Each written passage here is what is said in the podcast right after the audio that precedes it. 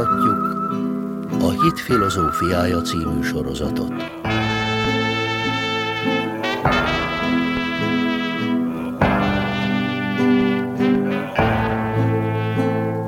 Munkatársaink Kisdaróci Adrien, Szegedi Benyámin, Kammer Jonatán, Kassai Róbert, Szobota Zoltán.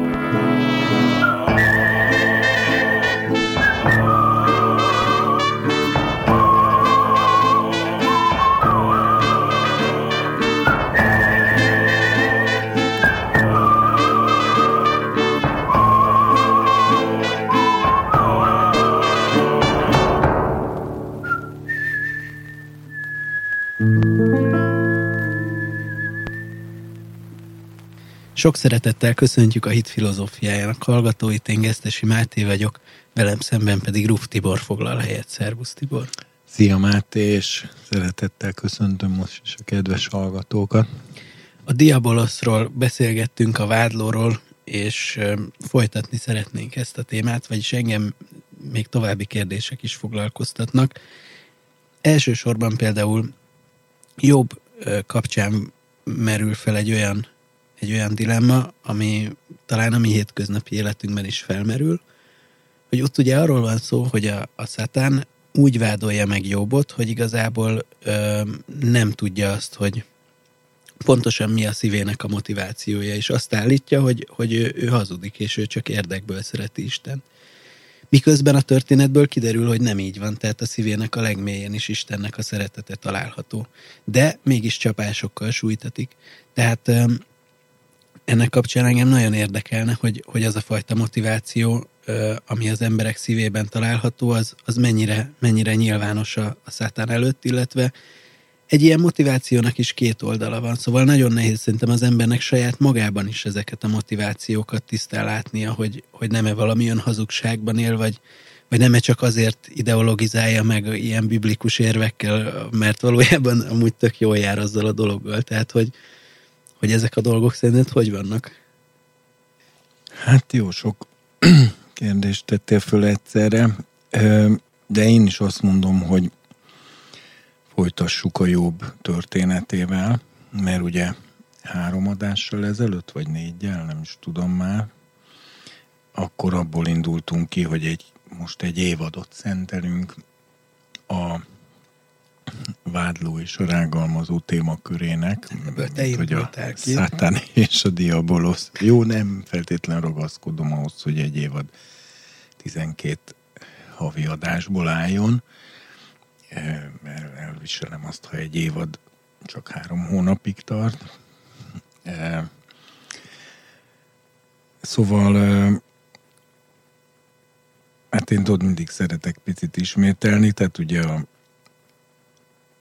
a szatán szónak a jelentéseit ö, vettük végig, mint vádló, peres ellenfél, felperes ügyész.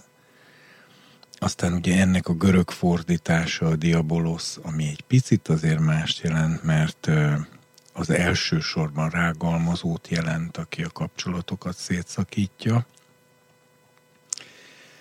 És utána ennek kapcsán elemeztük az első archetipikus fellépését a sátánnak az édenkertben, és a kommunikációját egész pontosan, hogy hogyan keveri össze az igazat a, hazuggal.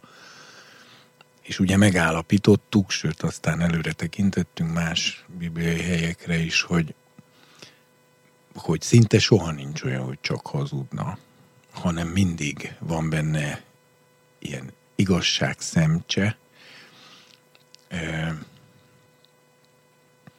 ami hatékonyá teszi igazából a hazugságnak a bejutását az emberi szívbe. Ezt nem akarom részletesen tovább ragozni, csak azért mondtam el, hogy, hogy azért ide kötődünk, és akkor tulajdonképpen időrendben nézve, mert ugye a jobb könyve időrendben körülbelül abba az időszakba illeszthető, amikor Izrael az egyiptomi fogságában volt. Most erre nem akarok kitérni, de ezt azért vitatják, tehát ezt nem lehet biztosan kijelenteni. Ö, lehet? Te teljesen hát meggyőződtél? Teljes erre? bizonyossággal talán nem lehet kijelenteni, de ugye a rabinikus irodalom mondja, azt sorol föl összesen 14, ha jól emlékszem, verziót, hogy a jobb könyve mikor játszódik és kiírta, és a végén megállapítja, hogy nem tudjuk eldönteni, hogy a 14 közül melyik a helyes. Ez egy, ez egy tényszerű megállapítás, de azért, de azért vannak bizonyos valószínűsítési lehetőségek a könyvnek a belső adatai révén, tehát a szó használata, a szereplők azonosítása, az egésznek a tehát lehet, meg lehet nagyjából eltudni, hogy történetnek melyik időszakához köthető. Én azt mondanám, hogy a legvalószínűbb elmélet legalábbis az én megítélésem szerint, de hát aki nem hiszi, járjon utána. De akkor tényleg járjon utána. Tehát azt minden esetre nézve szeretném kihangsúlyozni, hogy aki nem hiszi, az járjon utána. Tehát annak, hogy nem hiszünk el valamit, annak ára van. És vannak végtelen utak, amiken, ha valaki utána jár, sose fogja befejezni. Ezek azok, amiket csak elhinni lehet. Na most a... Tehát aki nem hiszi, járjon utána. Az én vélem, én, én azt osztom, de nem mint kinyilatkoztatást, nem százszázalékos biztonság, biztonságérzettel, hanem mondjuk 90 valahány százalékos biztonságérzettel, vagy valószínűséggel, hogy a jobb könyve az a, az Izrael fiainak az egyiptomi fogsága ideje alatt játszódik, és valószínűleg Mózes írta. E, írta le. Aki egyébként személyesen találkozhatott is jobbal a Midian, Midian földjén, mert úsz földje az meg, meg egyébként ők ugye családilag is bizonyos rokonságban vannak, mert jobb ugyan nem zsidó, de oldalági, tehát ugye Nákhornak, Ábrahám testvérének volt a fia egy úc nevű ember, akinek a földjén jó él, és aki őt meglátogatja, és ilyen nagyon pozitív dolgokat mond neki az Elihu, az pedig a búztól való Barakeil fia a Rám nemzetségéből, a búz az pedig a Nákornak a másodszülött fia, és mindezek mutatják, hogy itt az Ábrahám oldalági rokonsága érintett. Ugye a Témáni Elifáz az az egész biztos, hogy Edomita, ha megnézed az Edomnak a nemzetségtábláit. Mindegy, ezt most nem mondom végig, Persze. mert ez most nem bevezetés az Ószövetségbe óra, hanem inkább visszatérnék oda, hogy ha időrendben ez így helyén való, akkor azt lehet mondani, hogy a sátán második nagyon leplezetlen meg, megjelenése, ahol a Biblia néven is nevezi, amit ugye az édenkertben még csak kígyó volt, de nem használta a szátán vagy a diabolos szót.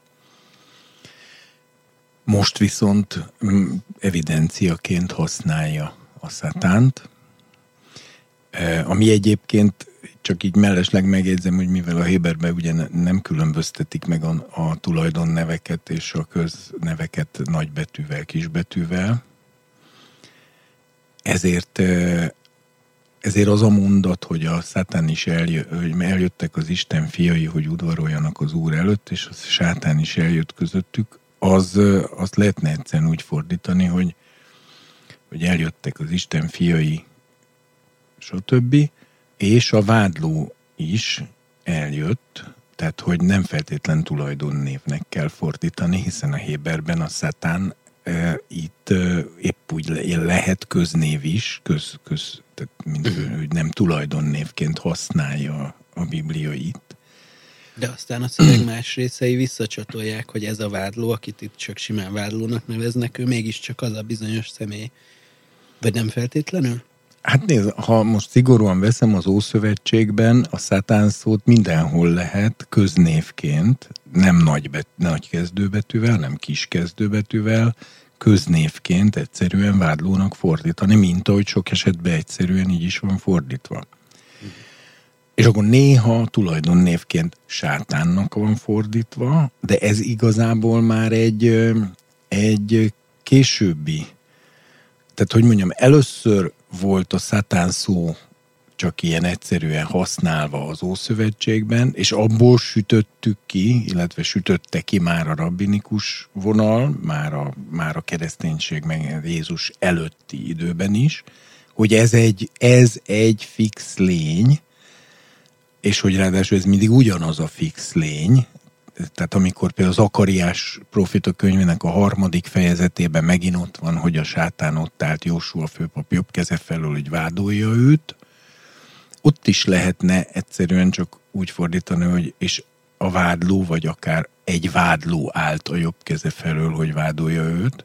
Ugye, ha nincs előtte határozott névelő, én most nem emlékszem, hogy szatán van ott, vagy ha szatán, e, tehát ha nincs előtte a Héber határozott névelő, akkor még nehezebb az eset, mert akkor a magyarban határozatlan névelővel lehetne fordítani, tehát akár úgy is lehet ebben, az, de most nem emlékszem pontosan. Tehát ezt hogy egy vádló. Hogy egy vádló is eljött az Isten fiai között a gyűlésbe, illetve az akariásnál, hogy a Jósua főpap jobb keze felül egy vádló állt. De ha ott van a, a határozott névelő, akkor az már nagyon utal arra. De há, szatán. Tehát De há, szatán, akkor igen, akkor az a vádló. És akkor így sül ki a végén az, hogy ez mégiscsak akkor egy konkrét lény lehet, akkor kezdi el ugye tulajdonnévként használni, a vádlót, a szátán, és aztán az új szövetségben, ami ugye görögül van írva, és mégis héberül szerepel, már egyértelműen tulajdonnévként, például amikor Jézus azt mondja, hogy távozz tőlem sátán, akkor ott a görögül van a mondat, de ez a név, ez marad, marad héberül, és egyre egyértelműbbé válik, ahogy a Biblia, mint progresszív kinyilatkoztatás halad előre, hogy ez egy konkrét lény. Egy konkrét angyal, ugye azért az Isten fiai között forgolódik, és akkor úgy, úgy mozaikszerűen lehet összeszedegetni a többi tulajdonságait, sajátosságait, és akkor úgy az összeszedegetés révén kirajzolódik a kép, de ez azt senki ne várja, hogy ez egy bibliai helyen, vagy egy-két bibliai helyen ez világosan így ki van nyilatkoztatva, hanem ehhez, ehhez munkát kell végezni, kutatni kell a Szentírást, és akkor rajzolódnak ki ennek a személynek a körvonalai. Na most itt, mivel hogy a jelenések könyvében, mint már múltkor is mondtam, van egy kulcsige, hogy a, és levettetett a földre ama az a, az a sárkány, e, vagy hogy harcol Mihály és a sárkány, és ott van egy ilyen beazonosítás, ami direkt így beszúr a jelenések, hogy Károliba ugye úgy mondja, hogy a, a sárkány, ama régi kígyó, akit neveznek szatánnak, és hát a, Ká, illetve a Károliba úgy mondja, sátán, és ördögnek, ugye de ő a diaboloszt fordítja ördögnek, de igazából görögül a mondat azt mondja, hogy az a régi kígyó, aki neveztetik sátánnak, és dia, szátánnak és diabolosznak. Tehát megadja az ószövetségi és az új szövetségi nevét, és azonosítja, és azonosítja a ma ősi kígyóval, ami egyértelmű utalás az édenkerti kígyóra és ennek a jelenések beli igeinek az alapján lehet biztosan mondani, hogy az édenkerti kígyó, akit ö, elemezgettünk ö, a múltkor, ö, az ö, ugyanaz, mint a, mint a Jobb könyve elején szereplő személy, és az ugyanaz, mint az Akariás proféta harmadik fejezetében szereplő személy, és aztán az ugyanaz, mint aki Jézust is megkísérti, és így megy végig, és bontakozik ki végül a jelenések könyvéig.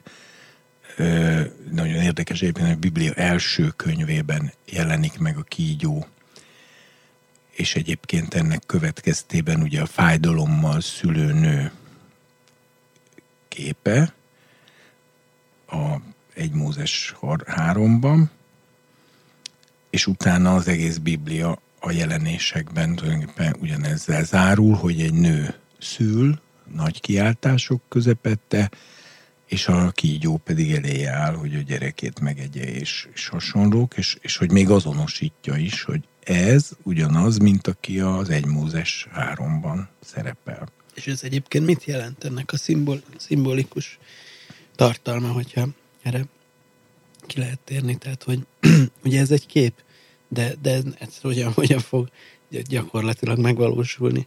Ez, hogy, hogy, hogy várja a kígyó, hogy megegye a szülőnőnek a magzatát, ugye ez a jelenések könyvében. Tehát ez hogyan, fog, hogyan néz ki a gyakorlatban? Hát ugye ez a kép végső fokon, mivel a nő a napba van öltözve, a hold van a lába alatt, és 12 csillagból van korona a fején.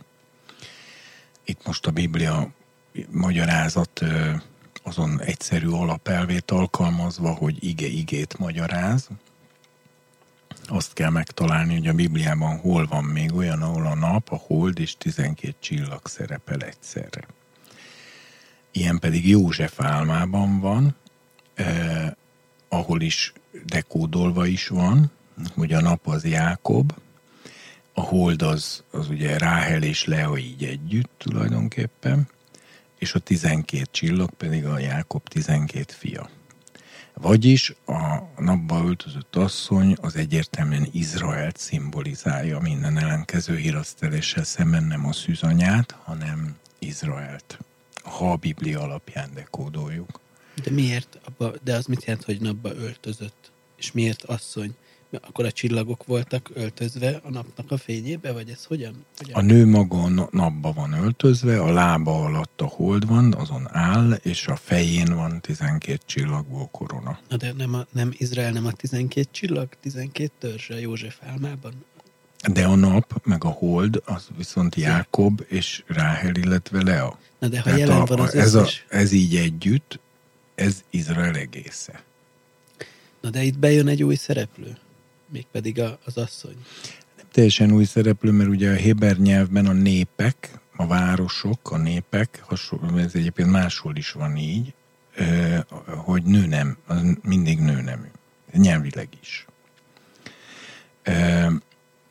Jeruzsálemet is rendszeresen nőnek nőként szólítja meg, és nőnemben ragozva. Kelj föl, világosodjál, kúmi, óri, nőnemben vannak a felszólító mondatok, e, mert Jeruzsálemhez beszél, és ebből, tehát e, a nép, a város az nőnemű. Angolba például, angolba a hajó, a ship, az, az mindig sí. Az autó is. Az autó is? Igen. Azt nem tudtam. Én úgy tudom, igen. A hajó az, az egyértelműen és évszázadok óta, tehát a régi angol tengerés, az mindig sí. De én úgy... Az, egyház az nem? Az is nő, nő nem kellene, hogy legyen, hogyha Krisztus hát? Ö, igen, mert az is egy nép.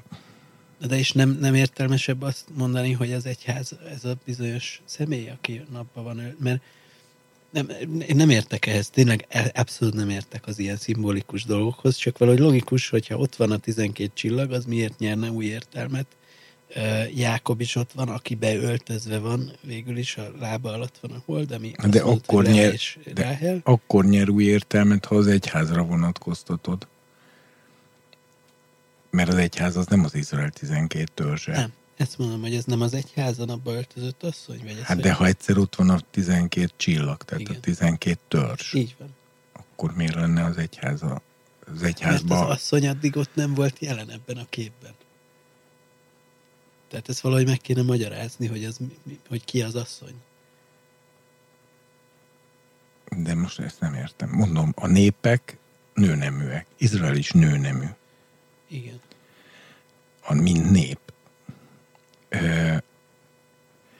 Cion leánya, Jeruzsálemet, ugye sokan kérdezik, ki az a Sion leánya? Az Jeruzsálem, mert az nő. E, a Hébernek van egy ilyen, de mondom, ez más népeknél is megvan. A, most ha te ezt átviszed az egyházra, átvitt értelemben, mert hát sok Izraelre vonatkozó dolgot lehet átvitt értelemben az egyházra is vonatkoztatni természetesen. Csak az, hogy a 12 törzs, tehát hogy a József álmából veszi az egész képet, és az tulajdonképpen mindegyik elem ott van, a nap, a hold és a 12 csillag, amelyekről mondva van, hogy az Jákob, Lea és Ráhel egybe a hold és a, és a 12 fiú, ez azért értelmetlen az egyházra vonatkoztatni. Most az egyházban van olyan, hogy Róben ága, vagy nem, nem, Júda nem, akkor én törzse, vagy... Tehát akkor te erre az egészre mondod, hogy ezt az egész konstellációt, amit megjelenik a szemeink előtt, ez maga a napba öltözött asszony? Nem, Izrael a napba öltözött asszony. De már mint hogy a 12 uh, csillag és a hold és a nap. Hát azok jelölik, hogy ő Izrael. Aha, értem. Igen, ezt így értem. Ez Jákob családja. Ez, ez, ez gyönyörű szép, és akkor, és akkor ő előtt... De egyébként már Mikás profita könyvében is van ilyen. Gyötrődj és kiálts Cionnak leánya, mint a gyermekszülő, mert kimész egészen messzire a sivatagba, egész Bábelig mész, és majd ott vált ki téged az Úr a szorongatót kezéből. Most ha itt megnézed, mi történik a napba öltözött asszonyjal. Kiált és gyötrődik, mint gyermekszülő, majd pedig menekülnie kell a sivatagba, és csak miután kimenekül a sivatagba, ki tudja hova, ott fog megmenekülni. Tehát amit a Mikeás megmondott két sorban, az tulajdonképpen a, a jelenések kibontja egy nagy képben. És ez pedig Cion leánya. És akkor megint ugyanott vagyunk. És akkor ő szül, aki, és azt akarja megenni a kígyó. Igen. És az ő szülöttje, az, az Jézus? Hát ez is nehéz ügy, mert ott ugye a jelenésekben azt mondja, hogy a gyerek elragadtatik Isten trónjához, és a gyereket úgy azonosítja, hogy ez az, aki majd legeltetni fog minden népet, nyelvet, nemzetet vasvesszővel. Ez messiási cím. Ugyanakkor a jelenések elején ott viszont maga Jézus mondja azt a laodíciai, nem is, hanem a e, tiatirai gyülekezet győzteseinek, akik legyőzik, a, tehát akik győzett győztesek lesznek, hogy aki győz, hatalmat adok annak, hogy vasvesszővel uralkodjon a nemzeteken, a pogányokon.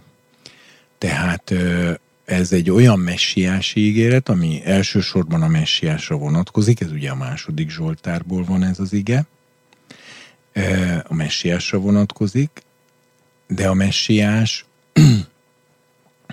ezt meg fogja osztani, ezt a hatalmát,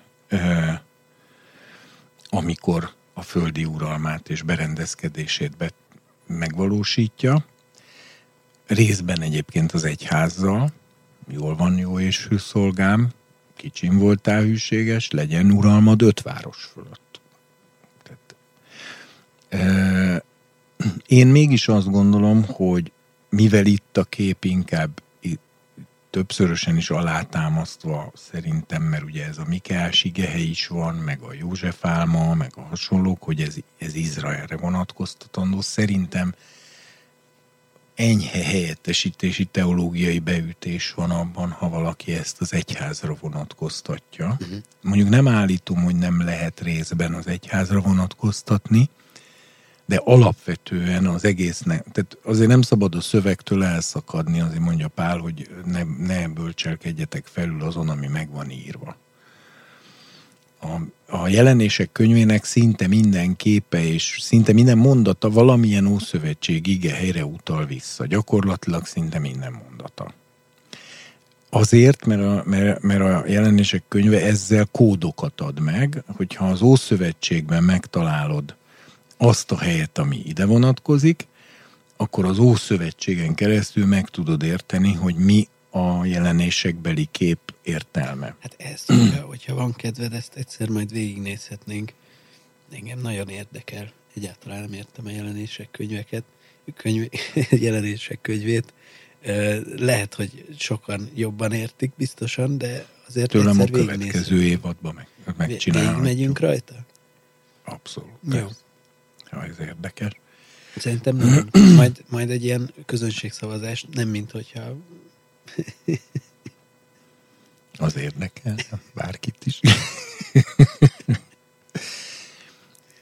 Szeretettel köszöntjük a kedves De nem egyébként tényleg, de hát nem kell emberek tetszését keres. No, tehát akkor visszatérnék erre, hogy a hogy csak már megint nagyon kanyarodunk ám elfelé. Az én volt, mert rákérdeztem hogy, a öltözött asszonyra, de te előtte teljesen másról beszéltél. Lehet, hogy akkor most már nem is bontanám ki mind végig ezt a napban, hanem akkor azt hagyjuk egy Persze. ilyen jelenések, könyv és beszélgetésre. Igen. És akkor én oda visszatérnék, hogy a, az egy Mózes háromtól, ahol a kígyó megjelenik, és az asszonyt elkezdi manipulálni, onnan egész a jelenések végéig, amikor is a, a sátán a gyehennába vettetik, egy progresszív kinyilatkoztatás, ez egy kibontakozó ö, látást ad a Biblia sátánról, de ezt ki kell bogarászni a Bibliából, tehát e, nincs olyan bibliai hely, ahol egy helyen el van mondva minden, mert Isten úgy gondolom nem is akarja, hogy akik nem dolgoznak ezzel eleget, azok ezt megtudják, mert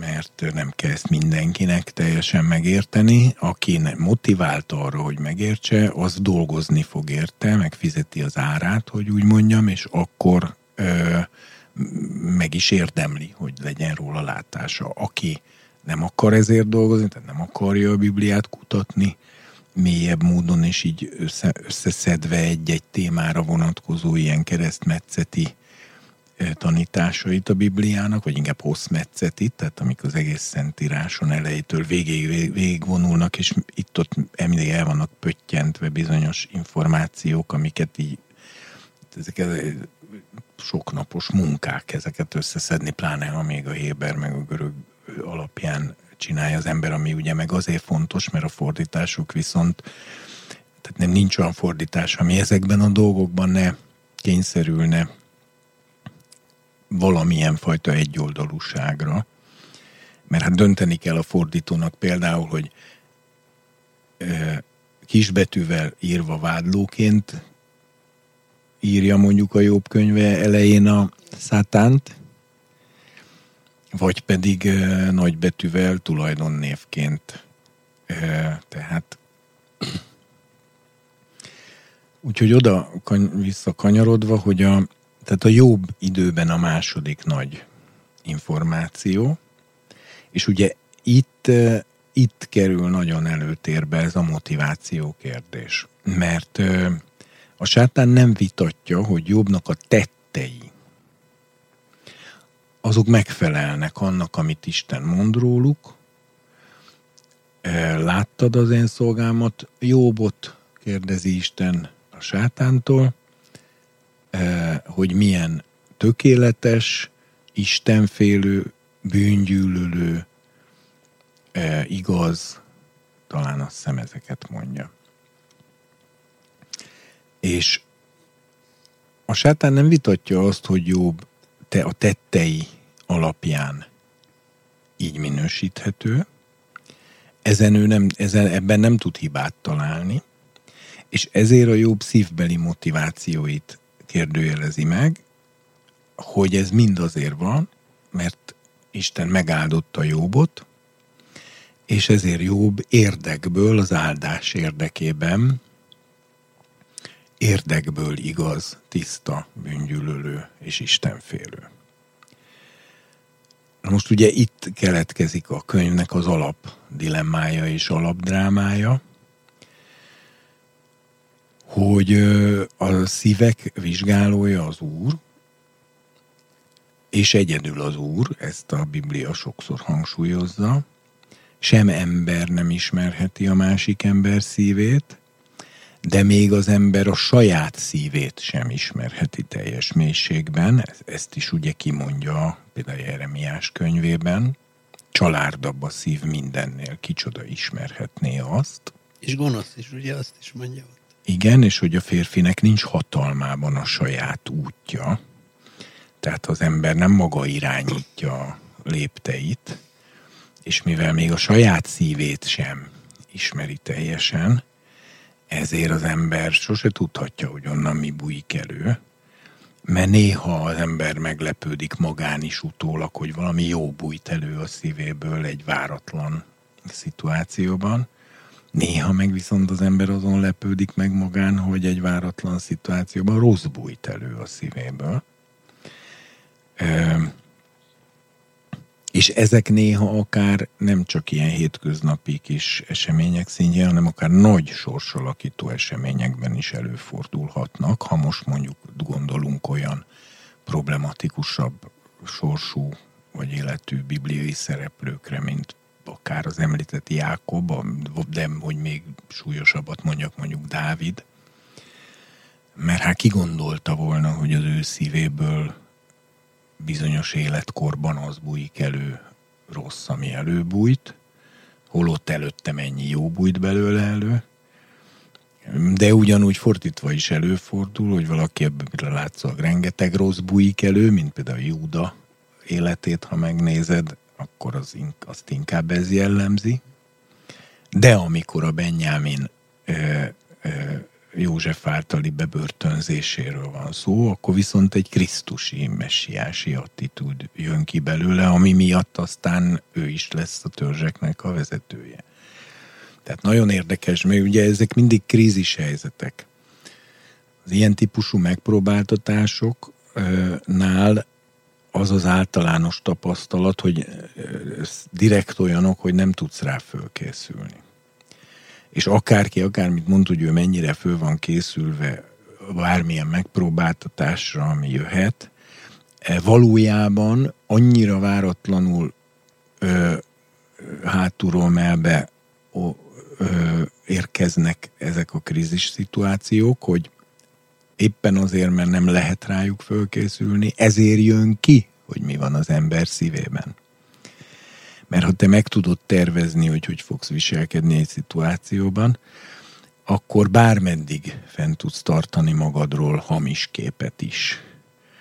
De amikor olyan helyzetbe kerülsz, ahol a tervezésre már nincs időd, és át, általában ezek gyors reakciót, tehát ugye például valószínűleg a Péter, amikor kimondta az utolsó vacsorán nem tudom hányszor egymás után nagyon nagy erővel győzködve mindenkit, meg főleg Jézust, hogy ő a börtönbe, a halálba, ő mindenhova vele megy, és ő az életét adja, ő aztán ő nem hagyja el, meg nem tagadja meg, és ő ezt őszintén mondta, mert ő őszintén így gondolta magáról, nem, mert nem ismerte a saját szívét. Valószínűleg egy olyan kép lebeghetett a szem előtt, hogy 30 darab most elnézést kicsit anakronisztikus leszek, náci tiszt ráfogott gépfegyverekkel azt mondja neki, hogy na, most megtagadod Jézus Krisztust, akkor nem ölünk meg, és a Péter lelkiekben rákészült arra, hogy, hogy milyen csodálatos lesz akkor azt mondani, hogy Jézusba hiszek, és utána meghalni. Ezt erre úgymond tervezetten úgy tűnik, hogy volt fölkészültsége. De arra, hogy egy rabszolgalányka fogja bekérdezni ezt, néhány egyébként nem is barátságtalan ember társaságában a tűz körül ülve, ez úgy látszik, erre nem volt fölkészülve, és talán még nem is gondolkozott, mikor már kicsúszott a száján, hogy jöjjön, én nem ismerem. És akkor lehet, hogy magában azt gondolta, most nem volt túl jó, de majd a legközelebb ilyen helyzet lesz, akkor azért majd vállalni fogom. De arra nem számított, hogy két perc múlva ugyanott a tűzkör megint azt mondja, de valaki, hogy de hát neked is galileai tájszólásod van, meg emlékszem is, hogy láttalak. Tehát ö, sokszor a kísértés kisebb, mint amire számítunk. és ezért bukik el az ember. Mert nagy hősies dolgokat képzel az életről, hogy akkor majd ő izé lesz, de aztán amikor a kis, kis aljas, kis ilyen hátulról jövő izék működésbe jönnek, akkor védtelenül igen, a hétköznapokban több a hazugság, de ez ugyanakkor reménykeltő is, hogy talán a nagy döntéseket jobban látjuk, mint a... Hát én azt mondom, csak az úrba bízzál. Az ige, azt, az ige egyébként azt mondja, hogy aki magába bízik, az bolond. Igen. Tehát az ember ne számítson magára. ezzel együtt szerethető az ember, tehát én ezt most nem úgy mondom, mint aki nem szeretem saját magamat, meg másokat, de, de, de bizonyos értelemben tehát úgy kell az embereket szeretni, hogy közben azért azt tudni kell magamról is, meg másról is, hogy azért az ember az bármikor ö, váratlan csapdákba léphet, amikre nem tud lelkileg, szellemileg totálisan felkészült állapotba lenni. Adja Isten, hogy sose essen el senki, de a tapasztalat azt mutatja, hogy pont a kis csapdák, tehát az ember hősies hangulatba hadakozik, aztán otthon mond valami rossz szót a felesége, vagy ilyesmi, és akkor rögtön elkezd fölcsattanni, meg haragudni, meg ordítani, és akkor utána lehet bocsánatot kérni és akkor kiderül, hogy hát ez, ez egészen kis dolgokba már elesik, akkor mi lesz itt, hogyha a kést tartják a torkához, vagy hát bizonyos értelemben lehet, hogy könnyebb igaz embernek maradni akkor, amikor a kést tartják hát a torkodhoz, mondom, mint amikor ezekkel, ezek a kis pitiáner Na mindegy, most... Ö... A társadalomtól jobban félünk, mint a haláltól bizonyos szempontból, vagy nem tudom, ebből egy kicsit hát így mondjuk ezt, úgy, hogy nem a, nem a társadalomtól, hanem az emberektől. Igen szégyen. Megszégyenülés, de így van. Például. Hogy nem illeszkedünk a rendszerbe. Igen, hát ezt is tudatosan le kell gyűrni. Ezért is nem csinálunk közvéleménykutatást.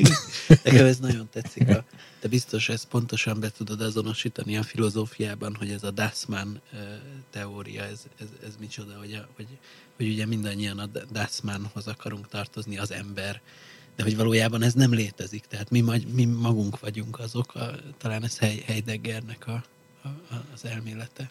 Én amúgy se vagyok egy nagy Heidegger rajongó, eh, amit most szintén nem fejtek ki, de ez ügyben a legjobban a Walter Benjaminnak, ha már ehhez a kultúrkörhez kapcsolódunk, a, a véleménye tetszik, amely úgy szól, hogy emberiség még nincs mert az emberiség akkor lesz emberiség, amikor mint emberiség közösség lesz, aki nem öli egymást, hanem, hanem segíti egymást, akkor lesz emberiség.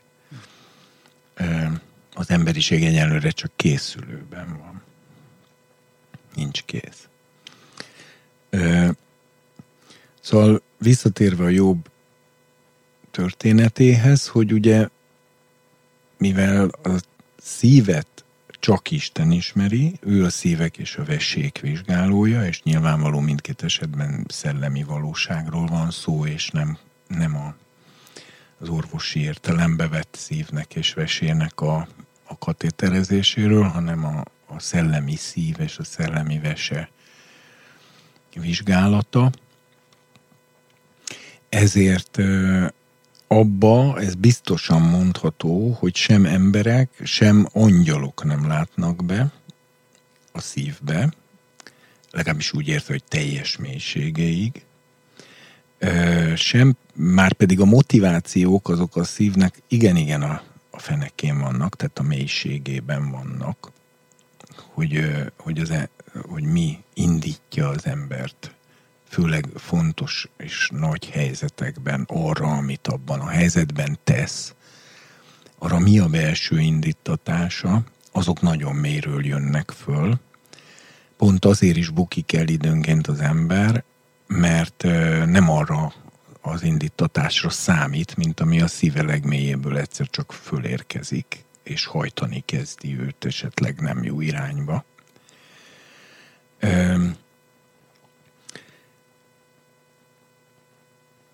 Ugye na most amikor a sátán a jobb könyve elején kétségbe vonja Istennek a jobbra vonatkozó pozitív ítéletét, akkor azért az is nagyon fontos, hogy nem csak jobbot helyezi ezzel gyanú alá, hanem, hanem Isten szavát is megkérdőjelezi, mert hiszen Isten állította azt jobbról, hogy igaz, Istenfélő, bűngyűlölő és tökéletes. Főleg itt az a tökéletes, ez azért egy kemény szó, mert azért emberre ilyet mondani, az, az, az komoly, pláne Isten szájából. és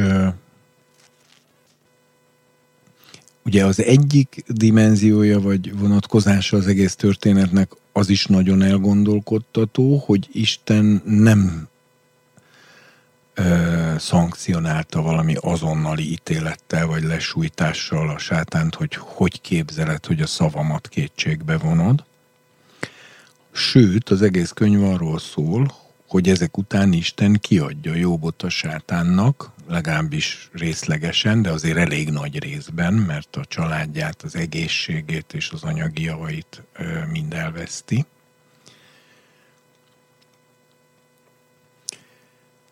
Egyedül az élete marad meg, meg a felesége. De aki aztán szintén a dolog egyik szakaszában nem túl pozitívan áll az egészhez. Tehát ebből látszik, hogy, hogy Isten tulajdonképpen a vele szemben is emelt vádra azzal reagál, hogy rendben van, tessék, akkor vizsgáljátok ki. Akkor nézzétek meg, hogy igazat mondtam-e. Tehát nem, nem erőből ez ugye azért nagyon fontos, mert ezt, ha megnézzük azokat az igehelyeket, ami jó sokat kell ott is összebogarászni, hogy milyen jellegű vezetési technikát alkalmaz Isten a világ mindenség vezetésében, akkor egy meglepően pluralisztikus, demokratikus struktúrát találunk, ahol, ahol a legkülönfélébb lények szólnak hozzá a kormányzáshoz, és komoly befolyást gyakorolnak Istenre, akár emberek, például az imáikkal, akár ilyen angyali tanácskozásokon. Ugye rengeteg ilyen jelenet van a Bibliában. Kiderül az, hogy angyalok például saját hatáskörben is hoznak döntéseket, jó angyalok is, mert egyszerűen Isten rájuk bízta, hogy azon a területen ők hozhatnak döntéseket. Nagyon érdekes lenne egyébként egyszer, és ezt főleg olyannak kéne megcsinálni, akinek van állam és jogtudományi végzettsége, hogy, mennyei, mennyei szféra hogy kielemezni az egész mennyei kormányzásnak a, ezt a belső struktúráját, ami, ami egész megdöbbentően demokratikus jegyeket mutat. Egészen szélsőségesen. Tehát amikor az ember azzal szembenéz, hogy például Isten Sámuel profétán keresztül közli Izraellel, hogy nem akarata az, hogy királyt válasszanak, hanem a bírói rendszert támogatja, mire a nép azt mondja, hogy de mi akkor is királyt akarunk, mire az Isten azt mondja Sámuelnek, hogy akkor fogadd el a döntésüket, és jelölj ki neki királyt, majd Sámuel a Szentlélek vezetése szerint két királyt is egymás után, ugye Sault is, meg Dávidot is kijelölés fölkeni. A Szentlélek vezetése szerint, vagyis magyarul ők Isten akaratából lettek királyok, miközben az egész királyságról Isten világosan megmondta, hogy nem tetszik neki. Ugye ebbe az a nagyon meg, megdöbbentő, hogy Isten elfogadja a népnek egy olyan döntését, amivel nem ért egyet, figyelmezteti a népet ennek káros következményeire, majd miután a nép azt mondja, hogy mi akkor is ezt akarjuk, akkor viszont együttműködik velük, és segít nekik jó, a, le, a lehetőségekhez képest jól, jó királyt találni, hogy legalább akkor már annyira nagy bajt ne szakítsanak a saját fejükre. Aztán a végén kiderül, hogy tényleg nem jól működik ez a struktúra, királyság, és a babiloni fogság lesz a vége. és Isten végig ilyenkor emlékezteti is őket, én előre megmondtam, de együttműködik ö, azzal, amivel nem ért egyet. Most ennél demokratikusabb viselkedés elképzelhetetlen. Egyszer régebben egy, egyébként egy országgyűlési párt, amikor képviselőket keresett a tagság körében, egy kérdőívet kellett kitölteniük, és a kérdőívben volt egy olyan kérdés, hogy együtt tud-e működni ön olyan döntéssel, amelyel nem ért egyet. Ugyanis egy, egy országgyűlési képviselőcsoport, egy frakció működéséhez ez nélkülözhetetlen. Tehát ott nem lehet azt csinálni, hogyha a többség úgy dönt, hogy ezt fogjuk csinálni, és akkor én nem értek egyet, akkor én elkezdek beakasztani, meg szembe menni velük. Ez szintén egyébként a normális közösségi élet sajátja, hogy megvitatjuk és szabadon elmondjuk, hogy, hogy én ezzel és ezzel nem értek egyet, de utána, ha a többség úgy dönt, hogy azért az mégis így legyen, akkor nem vonulok számüzetésbe, vagy hagyom el azt a közösséget, hanem akkor e- együtt tudok működni azzal is, amivel nem feltétlenül értek mindenbe egyet. Ez így normális egyébként az én véleményem szerint. Most kicsit olyan a közélet is, nem? Hogy így, hogy így mint hogyha, mint hogyha valamiféle tűréshatár végére érkezett volna akár mindkét oldal, és azt mondaná, hogy én mostantól fogva nem, egyszerűen nem vagyok hajlandó eltűrni a, a máshogy gondolkodókat, és, és, és ide-oda is ez a, ez a Hát ez mondjuk politikai kommunikáció és politikai ilyen tak, nem, taktikai nem mahináció is, mert ugye mindig a, az a mindig választás előtt mindkét félnek az az érdeke, hogy maximalizálja a saját szavazótáborát, ezt pedig a megosztó beszéddel lehet elérni, tehát hogy a, a másik félről nem szabad jót mondani, eh, hanem gyepálni kell, szidni kell, meg kell osztani a társadalmat, mert ezzel tudja mind a két oldal maximalizálni a szavazótáborát. Hozzáteszem, ez maga egy, amúgy egy hazug magatartás, mert hiszen valójában mind a két oldalon vannak jó ötletek, meg rossz ötletek, tehát nem úgy van, hogy az egyik a sátán, a másik meg az Isten a politikai életbe, hanem, hanem jöhetnek mindkét oldalról jó észrevétek, jó ötletek, jó ügyek és, és rossz ügyek is. De mind a két oldalnak, vagy ha több oldal van, akkor mind a háromnak, vagy négynek, de általában inkább mostanában kettő van, az az érdeke, hogy maximalizálja a szavazótáborát, ezt pedig tanítják a politika tudományi kurzusokon, hogy ehhez pedig megosztó beszédet kell mondani, még akkor is, ha nem így gondolják. Én azért a helyetben most őszintén szóval én semmit se innék el a politikusoknak úgy egyenesbe, tehát ott mindig be kell kalkulálni, hogy ott a háttérben a beszédírók, meg a politológiai tanácsadók, meg mit tudom én, azok alaposan kielemzik, hogy hogy lehet a legtöbb szavazót Persze. megszerezni, és akkor annak megfelelően segítenek megírni a beszédet. Tehát az, hogy, hogy politikus ma még különösebben sok őszinte mondatot mondana,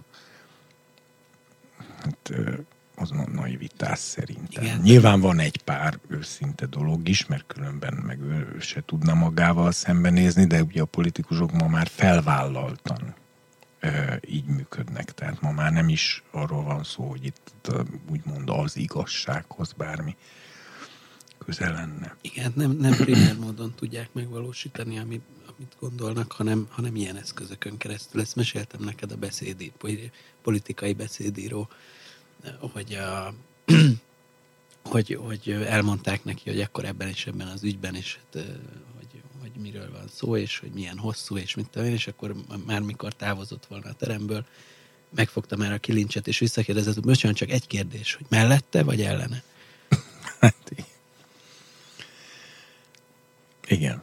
Ö, úgyhogy de ez egy nagyon csodálatos, alázatos dolog, amit mondasz, és az jut eszembe, amikor Jézus utolsó gesztusaként így megmosta a tanítványok lábát, hogy, hogy annyira alázatos, és, és annyira tele van szeretettel, hogy ennek szerint az a motivációja, mert hogyha az ember mondjuk valami hatalmi pozícióba kerül, akkor, akkor talán fontos értenie, hogy Isten ezt miért csinálja, hogy, hogy hisz abban, hogy azok, akik, hogy akár ezzel a példamutatással, vagy az ő szellemiségével úgy tudhatni más lényekre, hogy, hogy ők is végül is pozitívan fognak eljárni, vagy gyönyörűségét leli a, a személyes kreativitásban, hogy nem most neki kell mindent megmondania, vagy mi, mi ennek, az, ennek a hatalmi alázatnak a forrása szerinted? Hát ezek is szerintem, amiket mondtál. Ö, Isten maga a szeretet, tehát neki a természetéhez is ez áll közel. Ö, de nyilvánvalóan van akár megfontolás is mögötte, hiszen hogyha ő diktátorként vezeti a világ mindenséget, akkor soha nem tudja eloszlatni azt a gyanút, még az angyalokban sem, meg az emberekben sem, hogy ő nem jó. Ugye sokan mondják, miért, miért nem semmisítette meg rögtön a sátánt az elején, amikor föllázadt meg a bukott angyalokat, el kellett volna törölni őket, úgyhogy semmi nem maradjon belőlük, és akkor milyen jó lenne a világ. Hát nem, mert az összes többi angyali rendekben ez nem válaszolna arra a kérdésre, hogy jó, jó, hát azt látjuk, hogy nagyon erős. De igaza is van. Az egy nagy kérdés. Erre persze ugye a, most elnézést, ha valakit megbántok, de én meg kicsit azért haragszom, hogy a kereszténységben sokszor ilyen panelválaszokat adunk. Tehát, mert ugye ilyenkor, ha valaki, mondjuk emberek közül valaki azt mondja, na és, na de miért biztos, hogy Isten igazat mond? Akkor erre ugye általában a, keresztények már ilyen kicsit dühösen e, szoktak reagálni, hogy hát azért, mert ő Isten, hogy, hogy kérdezhetsz ilyet, tehát ne is, ne is merésze ilyet kérdezni, hát ö, ö, ö, csak ugye itt az a probléma, hogy hát most ha valaki már hitre jutott ezen a területen, akkor azért ne, tévez, ne tételezze föl, hogy már mindenki más is hitre jutott ezen a területen, ez, és ezt nem megvetni kell az ilyen embert, hanem segíteni neki, ez az egyik. De a másik meg én sokszor még azt is megkérdezem magam, hogy biztos, hogy ez az ember már hitre jutott ezen a területen, mert ha hitre jutott, akkor miért lett ettől ennyire ideges? Amiben az ember tiszta, százszerzékos bizalomban van, attól nem lesz ennyire dühös, hanem akkor nyugodtan elmagyarázza, hogy ez miért úgy van, vagy megpróbálja megosztani az ő hitét azzal a még kevésbé hívővel, de amikor rögtön hogy hogy mersz ilyet kérdezni, feltételezni, hogy esetleg az Isten nem mond igazat, vagy ö, ilyesmi, akkor ö, itt én inkább a szorongás hangját hallom ki, vagy valójában ő is félti a hitét ettől a kérdéstől, de hát akkor meg az még nem igazán hit. Na most én azt gondolom, hogy az, hogy Isten ebben a jóbos esetben azt választotta, hogy, hogy nem hiszed el, amit mondok, mondhatja a sátánnak. Ugye erre, erre lehetett volna az a válasz, hogy na, fog be a szádat, és soha többet ide a trónterembe nem léphetsz be, és nem vagy többet a tanácsadó testületem tagja, ki vagy rúgva. Hát, ha én ott lennék egy másik angyal ként, akkor azért itt már megfordulna a fejembe, hogy na és mi van, ha tehát hogy mondjam, ez az erőnek a válasza, nem az igazságé. Ugye a Zsoltár is azt írja, hogy az Isten királyi széke, trónszéke, erőssége, tehát hogy ö, igazságosság és jogszerűség a te trónod erőssége. Ez ugye azt jelenti, hogy az Isten trónja azért megdönthetetlen, mert mindig igazságosságban és jogszerűségben jár el. Ha ő nem járna el mindig igazságosságban és jogszerűségben, akkor az Isten trónja is megdönthető lenne. Ha meg nem lenne megdönthető az erőviszonyok miatt, de ő nem járna igazságosságban és jogszerűségben, akkor meg ő nem az Isten lenne, hanem az ördög. Mert az nem jó, az a lény, aki igazságtalanságot és jogszerűtlenséget követel és mégis erővel, tehát hatalommal, erővel védi a hatalmát, és üti ki azokat, akik azt nem tetszik nekik valami, az diktátor. Ez az Isten természetétől idegen. És azért mondom, én most ebbe se akarok részletesen belemenni, de már ez az egyik legnagyobb kérdés, mert ugye ez a Jobb könyvének alapkérdése, hogy miért adta ki Isten ártatlanul Jobbot? Emberi oldalról, meg inkább emiatt harag, haragudhatunk meg Istenre, miért ad ki egy szerinte tökéletes, bűntelen, istenfélő, tö, bűngyűlölő igazembert egy teljesen alaptalan gyanúsítás ö, nyomán miért ad ki a vizsgálatnak? És akkor ugye erre ö, mert em, emberi szempontból, és egy, én ugye szoktam, mert ugye a jobb aztán később az egész könyvön keresztül végig állandóan ezt kérdezi. Miért történik ez velem? Én ezt nem érdemeltem meg. Ha ez velem megtörténhet, akkor nem működik igazságszolgáltatás a világ irányításában. Neki ez a következtetése.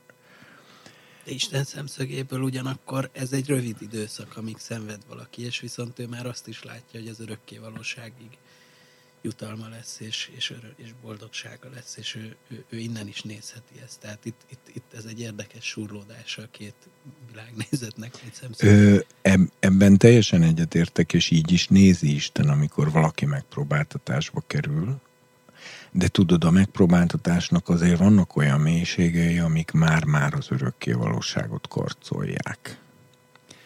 Tehát ez alatt azt értem, hogy amikor egy tíz éves kislányt meggyalázva, levetköztetve meszten betereltek a gázkamrába mondjuk, és utána, mit tudom én, a szülei meszten holt teste alól próbált még kimászni, miközben az utolsó levegőket kapkodta, és aztán meghalt. Az ilyen szenvedés az már érinti az időtlenséget. Tehát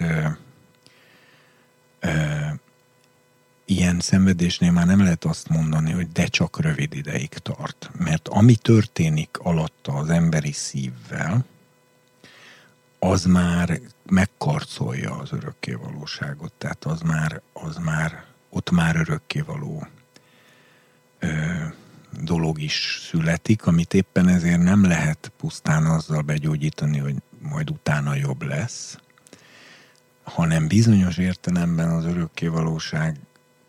örökkévalóságnak kell azt úgy ellentételeznie, hogy ezt a ezt a már az örökkévalóságba belebökődő fájdalmat, ezt egy sokkal nagyobb örökkévaló boldogsággal lehet csak gyógyítani.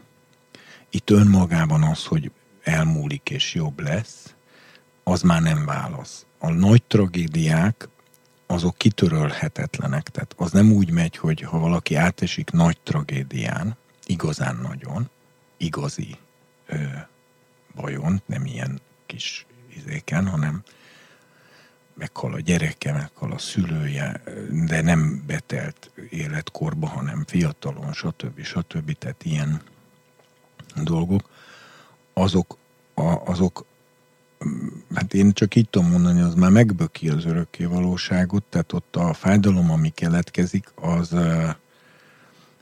az valamiképpen, most így mondom, hogy örök lenne, ha az örökké valóságban Isten egy még nagyobb jóval nem gyógyítaná meg. De önmagában az idő az ilyen típusú sérüléseket nem gyógyítja.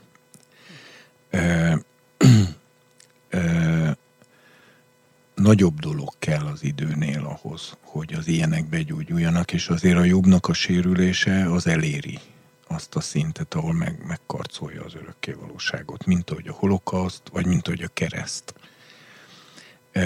De még számos névtelenül maradt, soha föl nem jegyzett tragédia is, akár naponta ezrével esik meg, kb. Percenként kettő szerintem körülbelül. Tehát, na most a, a Szóval ön, én ugye nehéz Isten szemével nézni, vagy Isten szívével gondolkozni, sőt lehetetlen emberileg. De azért valamennyit tudunk erről a Szentírás alapján, meg, a, meg, meg abból, hogy már érintett meg a Szentlélek szeretete. És én azt mondanám, hogy valószínűleg Isten nem használja azt az érvet, hogy később majd jó lesz most viseld el ezt a fájdalmat, meg később jó lesz. Ez az átlagos események szintjén ez elmegy. De mondjuk egy ilyennél, amit most példaként hoztam, de akár a jobb is, tehát azért az, hogy valakinek az összes gyereke meghal egyetlen nap alatt, ugyanazon a napon elveszti minden vagyonát. Ö, és miután mindezen túlesik, és nem átkozza meg Istent utána egy újabb támadás során még az egészségét is elveszti, és ott ül és vakargatja magát a hamuban egy darab cseréppel, és akkor még az utolsó, aki megmaradt mellette a felesége, is tulajdonképpen a sátán szócsövévé válik, mert azt mondja, hogy átkozd meg az Istent, és haj meg. És pont ezt mondta a sátán az Istennek, hogy na, ha még az egészségét is mindenét elveszed, nézzük meg, nem átkoz-e meg szemtől szembe téged. És pont ez a bátorítás, buzdítás jön ki a felesége száján. Tehát azért ez már a, a katasztrófának olyan mélysége, ahol, amiről már nem, az, az Isten félelem miatt nem szabad erről már nagyon nekünk nyilatkozni, vagy hogy mondjam, minősíteni ezt. De nekem az a sejtésem, hogy az Isten ilyenkor nem használ olyan érvet, hogy később majd jobb lesz, nyugodj meg. Mert erre az, ez egyébként az ilyen szenvedést átélő emberekből a legnagyobb ö, haragot is váltja ki, mert ez, ez, a, ez azt jelenti, hogy nem is érted, hogy miről van szó. Hát meghalt az összes gyerekem. Nekem soha nem lehet már jó. Tehát ö, ö, ha csak vissza nem adod az összes gyerekemet. Meg ugye itt kicsit ilyen egzisztenciál filozófiai szempontból is kell ezt megközelíteni, hogy, hogy bizonyos létélmények, ez pozitív is lehet, meg negatív is. Tehát vannak bizonyos olyan létélmények, amiket én nem érzelemnek neveznék, hanem ez a létezésnek a lelki megtapasztal, magának a létezés, hát sajnálatos mondom, mélységeinek vagy magasságainak a, a személyes átélése, ez több, mint érzelem, és bizonyos ilyen, nagyon erős ilyen élmények, ezek szellemi szintűek, de ezzel nem azt mondom, hogy démonikusak, mert lehet egy bánat, egy rendkívül mély egzisztenciális bánat, ö, ami szellemi, és az ember szellemét érinti, ö, az lehet pozitív, például a bűnbánat, amiről például a Kierkegaard azt írja, hogy a legmélyebb fájdalom az a bűnbánatban van, amikor az ember minden öncsalás nélkül önmagával szembenéz, az egy gyakorlatilag elviselhetetlen mértékű fájdalmat okoz, és akkor a Kierkegaard még hozzá is teszi, hogy és ezt a fájdalmat nem szabad esztétikai elpárologtatás útján megszüntetni, hanem az ilyen embernek egyedül a hit felé van már csak útja. Tehát nem csinálja azt, hogy visszamegy, és együnk, igyünk, vigadjunk, felejtsük el a dolgot, mert soha nem fogja azzal ezt megoldani, ezért már csak előre felé menekülhet, és ezért az ilyenfajta élmények, és ezek pozitívak, negatívak is lehetnek, ezekben van, van, van örökké valóság. Tehát ezek egy kicsit az örökké valóság örömei vagy fájdalmai. Ami, mert öröme is van, term ugyanígy, de nyilván, amikor a Jeremiás meg azt írja, hogy, hogy ö, bár csak vízé változna az egész fejem és a szemem meg a könyhullatásnak a kút főjévé, vagy mai szóval a csapjává, hogy annyi könyv folyhatna ki a szememből, amivel meg tudnám siratni mindazt, amit történik népem lányának romlását, és tántorgok, mint a részegek, és minden csontom reszket az Úrért és az ő szent igéért, akkor ezt így kell érteni. A Jeremiás remegett, támolygott a fájdalomtól, amit, amiatt élt át, hogy miben élnek körülötte az emberek.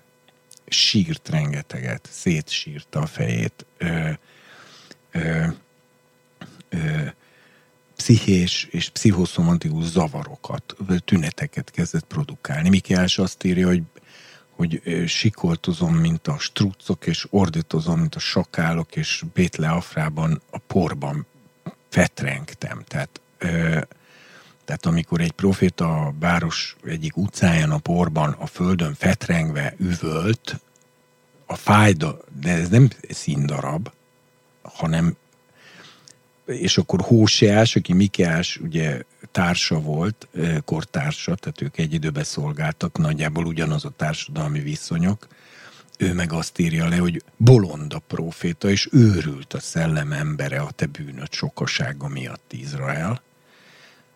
Ki tudja, talán a Hóseás esetleg látta, vagy hallotta arról, hogy a Mikeás ordítozva fetreng a porban egy, egy városban, és akkor ebből arra gondolt, hogy szegény, szegény Mikás barátom, megértem, mert borzalmas, ami van, nem csodálom, hogy ennyire kikészült. Ezek, ezek, az, ezek nem megjátszások voltak, hanem ezek az emberek őszintén.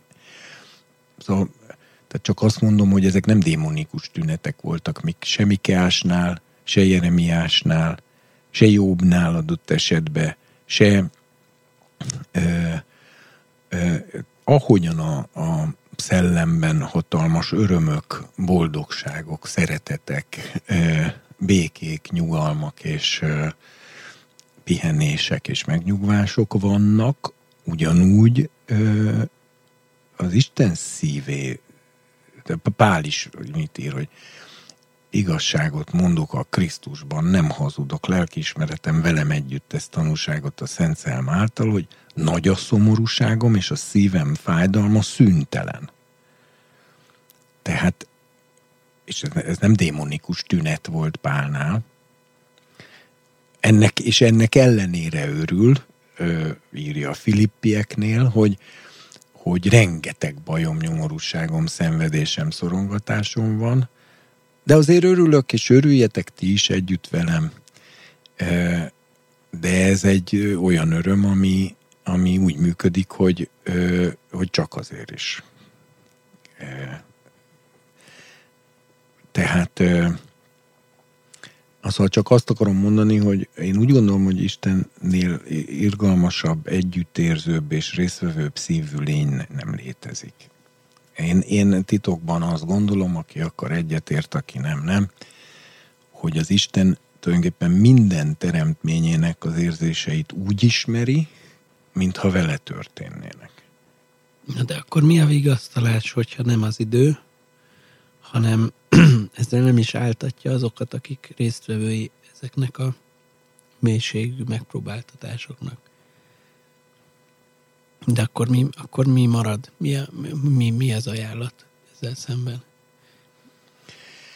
Hát ezeket az idő nem tudja begyógyítani, mondom, örökkévaló, ugyanilyen örökkévaló erejű gyógyításnak és pozitívnak kell oda hatnia.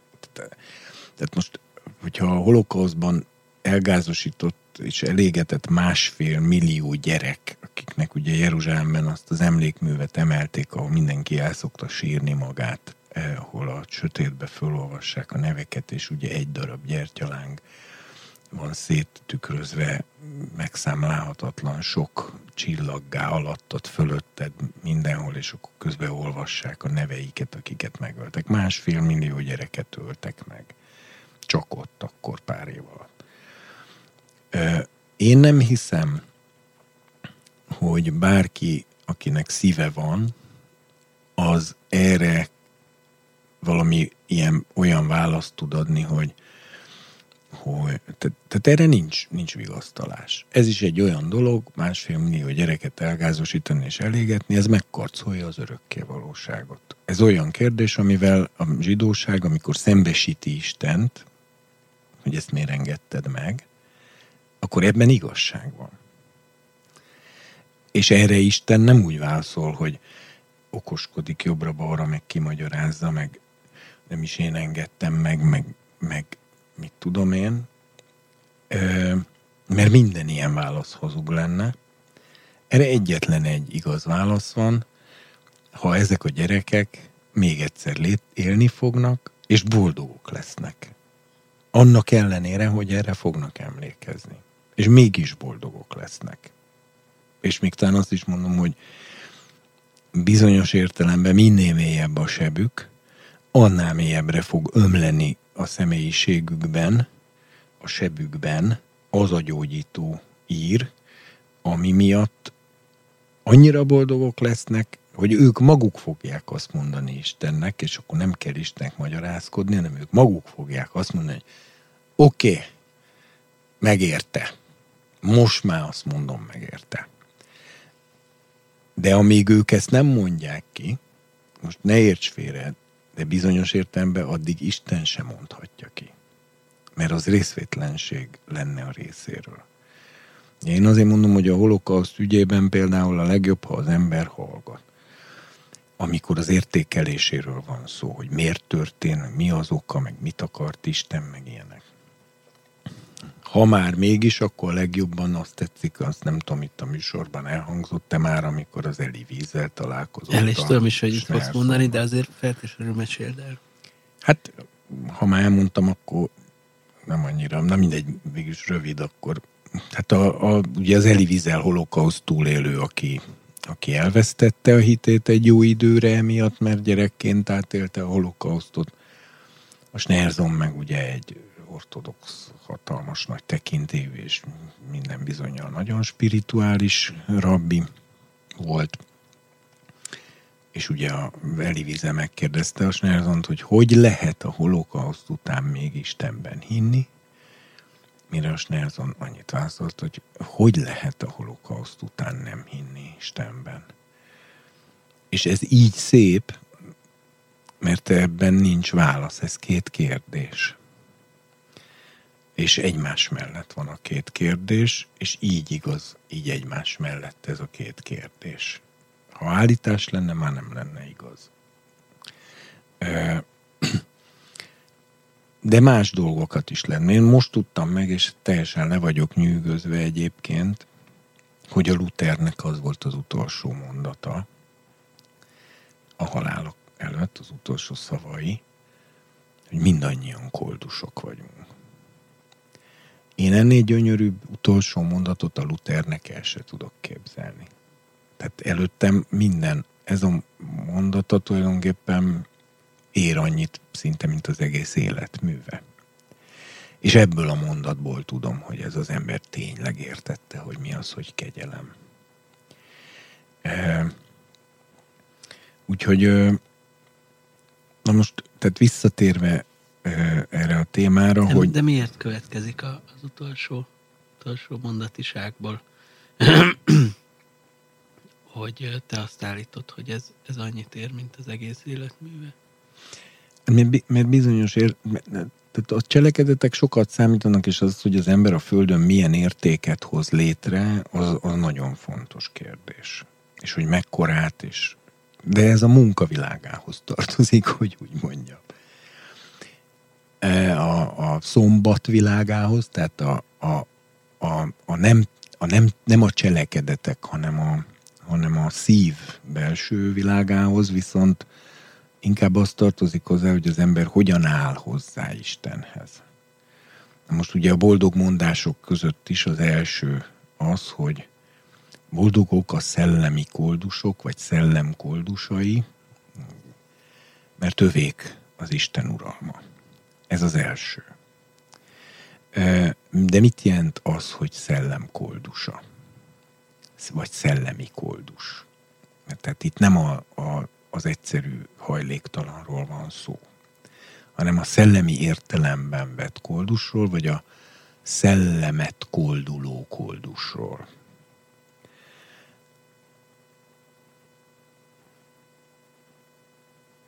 Tehát a hegyi beszéd első mondata, meg a Luther utolsó mondata, az nekem így cseng össze. És őszintén szólva, én is úgy vagyok vele, hogy a, a legmagasabb szellemi állapotnak, ami csak létezik, a szellemi koldus állapotát tartom. Ez egy koldus magatartás. A koldus magatartásnak ugye az a lényege, hogy de őszinte, tehát nem, nem műkoldus, annak az a lényege, hogy teljes mértékben az irgalomra hagyatkozom. A koldus nem mondja azt, hogy tud neked adni bármit is azért, amit te adsz neki. E, hanem ő azt mondja, hogy nem tud érte semmit adni. A világon semmit. Ha te megkönyörülsz rajta, független attól, hogy ő milyen állapotban van, és tud-e adni valamit, vagy nem tud, de hát a koldus az, aki felvállaltan nem tud. A koldusság az azt jelenti, hogy valaki elismeri, hogy én nem tudom magamat eltartani. Én nem tudom magamat fenntartani. Én nem tudom magamat megmenteni.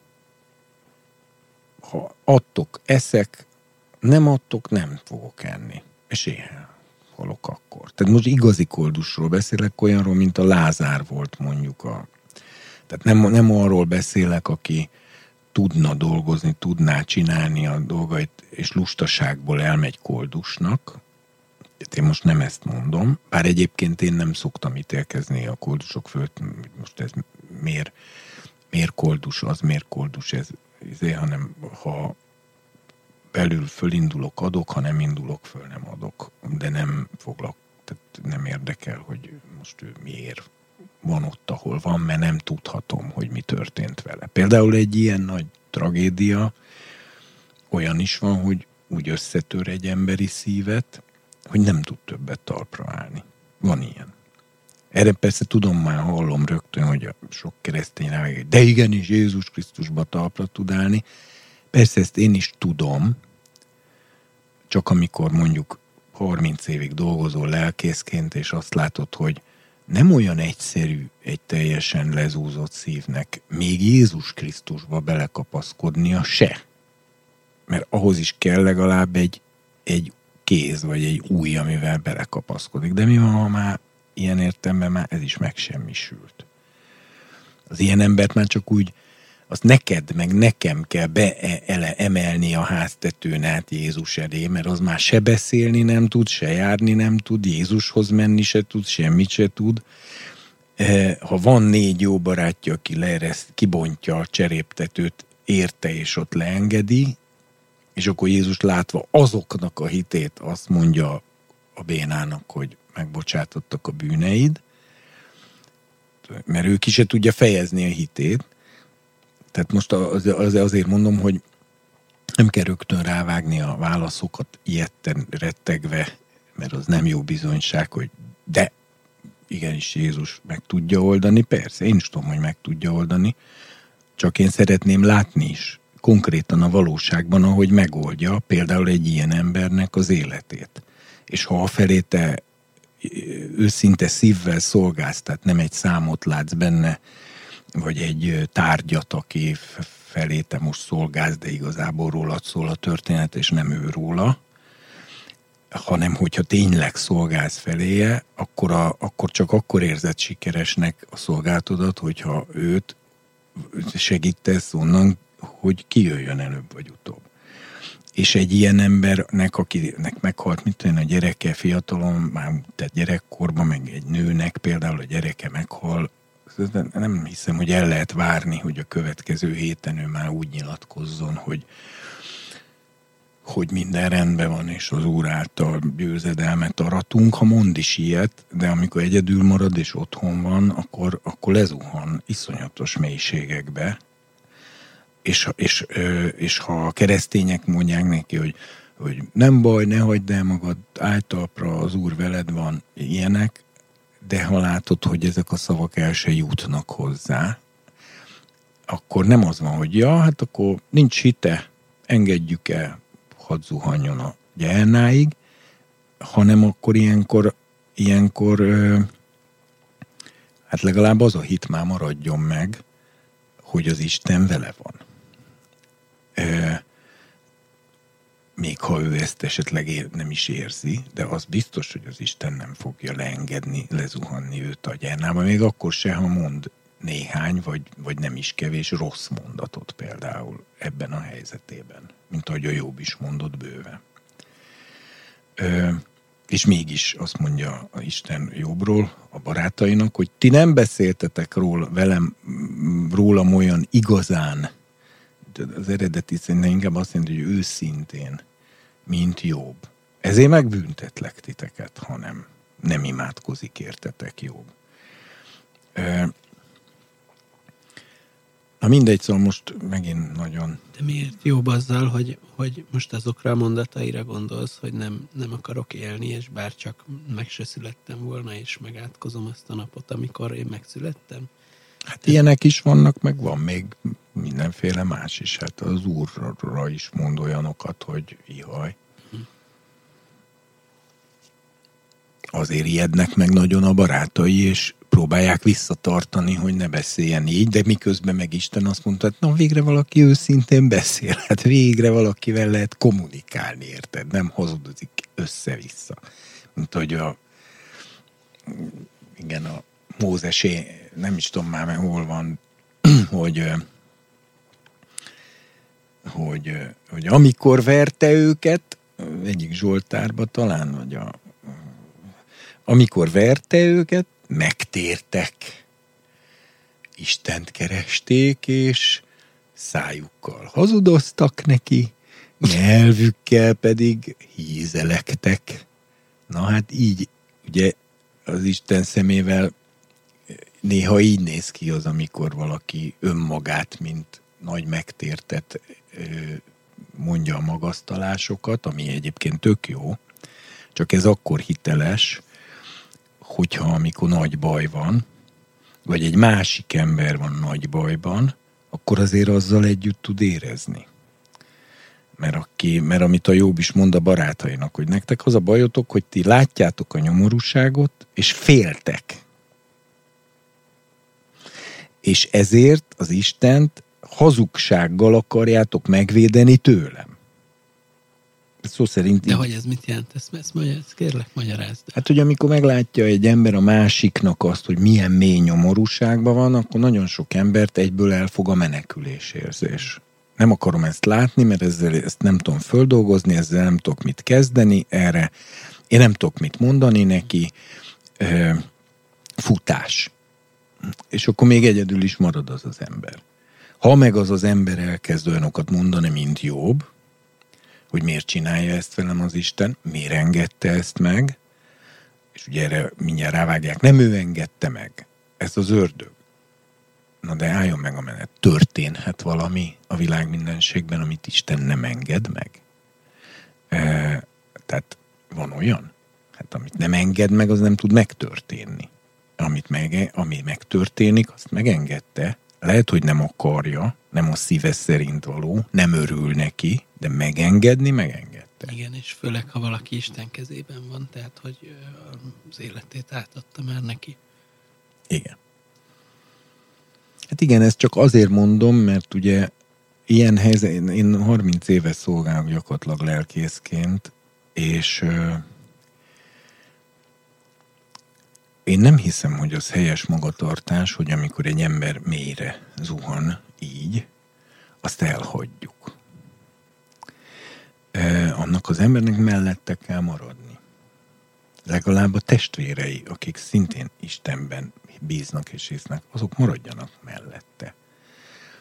De a mellette maradás az, az azt jelenti, hogy, hogy nem viszonyulhatok hozzá úgy, ahogy a jobb barátai viszonyultak a jobbhoz, hogy osztom neki az észt, hogy rosszul mondod ezeket, ennye benye, nem szabad ilyet mondani.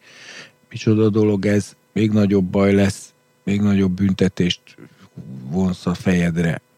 Én azt gondolom, hogy Isten egyáltalán nem így áll ehhez hozzá. Szerintem ő mélységes együttérzésben van a szenvedővel, és szerintem a rossz mondatokat egyszerűen elereszti a füle mellett. Tehát szerintem nem, nem, nem ilyen vallási paranoiában van, hogy most egy, egy rossz mondat miatt itten már összeomlik a világ. Az emberek nagy szenvedésekben mondanak meg gondolatlan dolgokat, és ezt egyébként Ézsajás mondja egy helyen, hogy jaj azoknak, akik a kapuban megfeddik az embert egy szóért. Tehát mindenki mond rossz mondatokat, még a jó állapotban levő emberek is mondanak rossz mondatokat, pedig ő nekik aztán nem kéne. Sőt, néha nagyon kifejezetten, akik nagyon jól érzik magukat, néha azok mondják a legrosszabb mondatokat, mert ugye az ember meg olyan, hogy amikor jól érzi magát, akkor, akkor általában részvétre való képessége is jelentősen lecsökken. De az Isten nem ilyen, neki nem csökken le a részvétre való képessége, amiatt, mert ő jól érzi magát, hanem mélységes mélyen együtt érez. Én úgy gondolom minden, legalábbis minden személyiséggel rendelkező teremtvényével. De, de vélelmezem, hogy lehet, hogy még csak nem is csak azokkal. Tehát még a barmának a szívét is ismeri. Igen, az igaz, még a barmának az érzését is érzését. Igen, ismeri, az Istenten szíve meg kegyetlen. Ha is ami az Isten barmai vagyunk, mert tulajdonképpen nagyjából hasonló a viszony, az ő házi állatai, akkor ez egy nagyon jó ige. Házi emberei, házi emberei. Az Isten, az embernek házi állatai van, Istennek meg házi emberei. E, de mindenképpen az ő juhai legelőjének nyája vagyunk, mondja a Biblia, akkor nagy reménységet ad, hogy az igaz még a barmának az érzését is ismeri.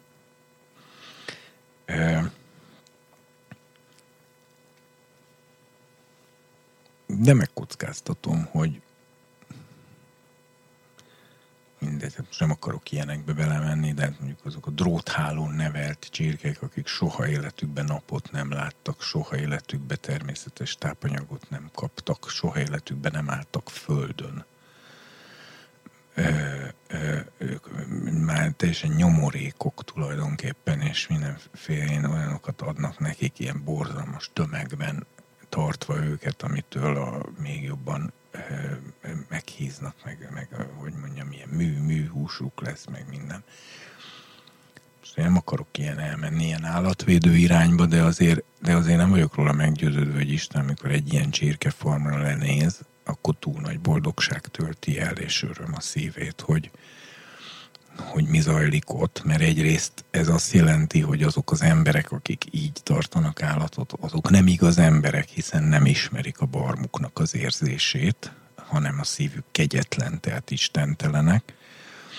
Nem beszélve arról, hogy, hogy, hogy aztán edd meg azt, azt a csirkét, és akkor megtudod, hogy mi a rossz. Tehát nem, nem, Na mindegy, nem akarok ebbe belemenni, csak azért azt gondolom, hogy Isten még, még, még az ilyensmi felé is érez felelősséget, akkor mennyivel inkább érez felelősséget és együttérzést a, a,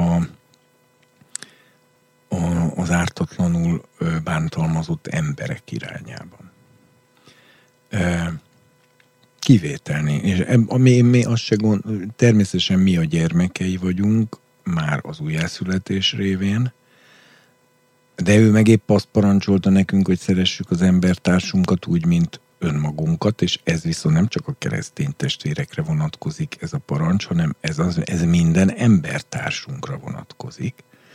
Ha tehát nekem az gyermekének azt parancsolja, hogy én ugyanúgy szeressem a még újjá nem született bűnös embertársamat, mint önmagamat, már pedig ezt parancsolja, ezt senki nem hagyja kétségbe, ugyanúgy, mint magamat, ő meg engem a gyermekeként szeret, akkor ebből az következik, hogy ő azt a másik még újján nem született bűnös embert is éppen általunk, a gyermekei által szeretné beemelni ugyanebbe a szeretetbe, vagyis magyarul az, hogy a keresztények lenézik bizonyos értelemben a világi embereket.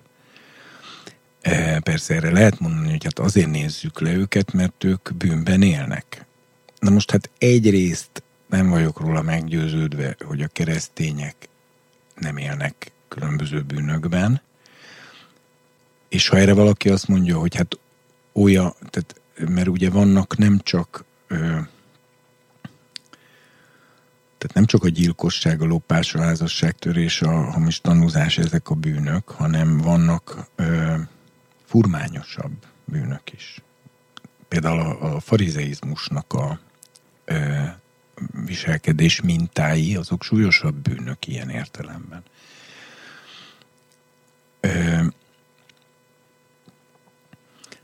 Tehát, hogyha Na mindegy. Vagy, Te... vagy, vagy, hogy el, vagy, el, vagy ennénesen ellenségesen viszonyulni azokhoz, akik mondjuk más gondolkodásúak, tehát nem, nem mondjuk nem keresztények, és, és hogy hát, hogy ők a, nem, nem Istennek a, a munkásai, és ezért, ezért Hát jó, az, hogy, az, hogy az ő, ő ideológiáikat el, elutasítom, az, az szükséges, mert, mert a hazugsággal nem működhetek együtt. De ugye nem mindegy, hogy közben az ember irányában megmarad-e az embertársi szeretetem. De mindegy, ebbe sem menjünk most bele ennyire mélyen, hanem én ugye az egész onnan indult el, és annyi az egésznek a lényege, hogy a hogy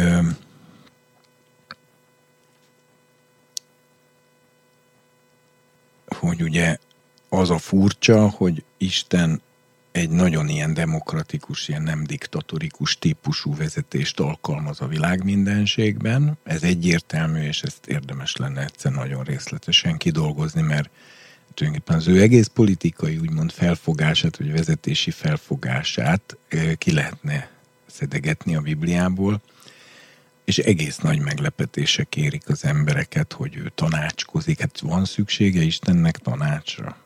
Akkor ha nincs szüksége, akkor miért tanácskozik a szellemi lényekkel, hogy ahogy le is írja ugye egy helyen, hogy, hogy mit csináljunk, kérdezi tőlük, mit, és akkor előáll az egyik szellem, meg a másik szellem, így mondja az ige, és ki ezt szólt hozzá, ki a maszt, aztán végül előállt egy szellem, aki ezt mondta, és akkor arra azt mondta az úr, na ez jó, csináljuk ezt. Magáról a törvényről, is többször leírja az új szövetség, hogy angyalok rendelkezései, angyalok rendeléseit tartalmazza, ami ugye nagyon érdekes kérdés, hogy most az egész Istentől jön, vagy pedig végül is angyalok állították össze. És, a, és az új szövetségben több ige is van, ami egyértelműen kimondja, hogy legalábbis bizonyos részeit, vagy vonatkozású angyalok csinálták. Még én azon sem lennék meglepődve, ha a tíz parancsolat, meg a két nagy parancsolattól eltekintve, amit ugye Isten a saját hangján hirdetett ki a tíz parancsolatot, lehet, hogy az összes többit azt, azt már angyali ilyen munkacsoportok dolgozták ki, és tulajdonképpen csak aláírásra adták be Istennek, mint egy államfőnek. Ezt ezt a képet erősíti meg a Biblia. Sőt, nekem még van is olyan véleményem, mert van olyan a törvényben, ha emlékszel, ahol minden mondat után jön egy olyan, hogy én vagyok az Úr. Következő mondat meg én vagyok az Úr. Következő mondat, én vagyok az Úr. Következő, én vagyok az Úr. Ez nem olyan, mint egy aláírás. Tehát nem, nem úgy néz ki, mint hogy ott lenne egy parancs, és alatta egy aláírás. Parancs, aláírás. Mi van akkor, ha a dolog, ez elég egyértelműnek tűnik egy csomó igéből, hogy, hogy az angyalok bizonyos ilyen munkacsoportokban, ilyen bizottságokban, olyan parlamenti döntéselőkészítési bizottságokban kidolgoztak bizonyos parancscsoportokat. Nem biztos, hogy Istennek szándékában állt azzal foglalkozni, hogy a, a, a vétekért való bűnáldozathoz járó ételáldozat ö, ö, hoz hány negyed hinnyi olajat kell ilyen a tésztába keverni. Tehát, ö, hanem ugye ő, ők ezeket kidolgozták, Isten meg megnézte, láttam, oszta, én vagyok az Úr, aláírta, és természetesen innentől ez Isten törvényének számít, és az ő tekintélyét hordozza, és az ő nevével és tekintélyével van kijelentve, de, de az igé magából ugye az István védőbeszédében is van, a Pál is többször utal erre, ugye István így mondja, akik a törvényt angyalok rendelésére vettétek, és nem tartottátok meg. Tehát, hogy de a Pál is ír erről máshol, a Galatában is, meg a Kolossze levélben. Tehát nagyon érdekes dolog lenne. Minden esetre a jobb könyve vonatkozásában megállapíthatjuk azt, hogy az egyik angyal, akinek szabad bejárása volt ráadásul a, az Isten tróntermébe udvartartásába, ugye, hogy Károli úgy mondja, hogy udvaroljanak az úr előtt, de ugye ez, ez azt jelentette akkor még, hogy a királynak a tanácsadó testülete egybegyűlik, és a király tanácskozást tart. És akkor ebben a tanácskozásban hozzászólnak, és ő megszólította az egyik ott levő tanácsnokot, akinek egyébként vádló volt a minősítése, de ez, ahogy múltkor beszéltünk róla, ez önmagában még akár pozitív is lehet, mint ügyész. Tehát, hogy ilyen funkcióra szükség van, hogy ügyész is kell. Ügyész nélkül nem működik a jogrend. Kell ügyész, kellenek ügyészek, és bárki, hogy valaki félreértse, amit mondok, az ügyészség, ügyésznek lenni, az nem bűn, de elég kemény foglalkozás, amit hát valóban egy speciális személyiség szerkezet kell hozzá, hogy valaki ezt élvezni tudja. De ha egy igaz ügyészről van szó, aki, aki az a szenvedély fűt, hogy mondjuk a gyilkosok elvegyék a méltó büntetésüket, akkor ez az, az ilyen ember az teljesen oké, okay, tehát ügyészre van szükség, és ugye a szátán az tulajdonképpen eredetileg ilyesmi volt. És ugye ebben a funkciójában szólítja meg Isten, hogy láttad-e a szolgámat jobbot. E, majd a szátán ugye kétségbe vonja a jobb motivációit, amiről mindvégig Kezdetben. szeretnénk beszélni.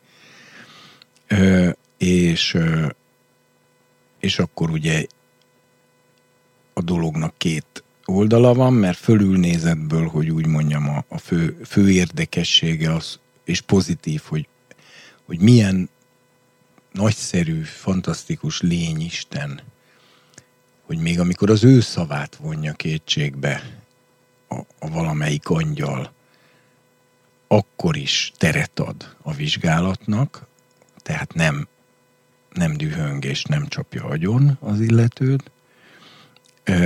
A másik viszont alulnézetből, az ember dimenziójából nézve, az meg jobbnak a kérdése, hogy miért lettem én ártatlanul kiszolgáltatva a sátánnak.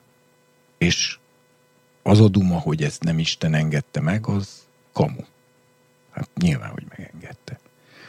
Ugye, amit a jobb egész végig kérdez, az ist, azt Isten már a könyv legelején elismeri, mert azt mondja a sátán második látogatásánál Isten, hogy láttad az én szolgámat, volt, Hogy még mindig milyen Isten félő, bűngyűlölő és tökéletes jól lehet ellene ingereltél, hogy ok nélkül roncsam meg, Hát itt tulajdonképpen Isten már az elején elismeri azt, amivel a jobb őt, Istent alapvetően vádolja. Ok nélkül lettem megrontva. És azért is bánik Isten egyébként ilyen értemben jól a jobbal, mert hát tulajdonképpen Isten tudja, hogy a jobb, abban, amit mond a jobb, abban van igazság.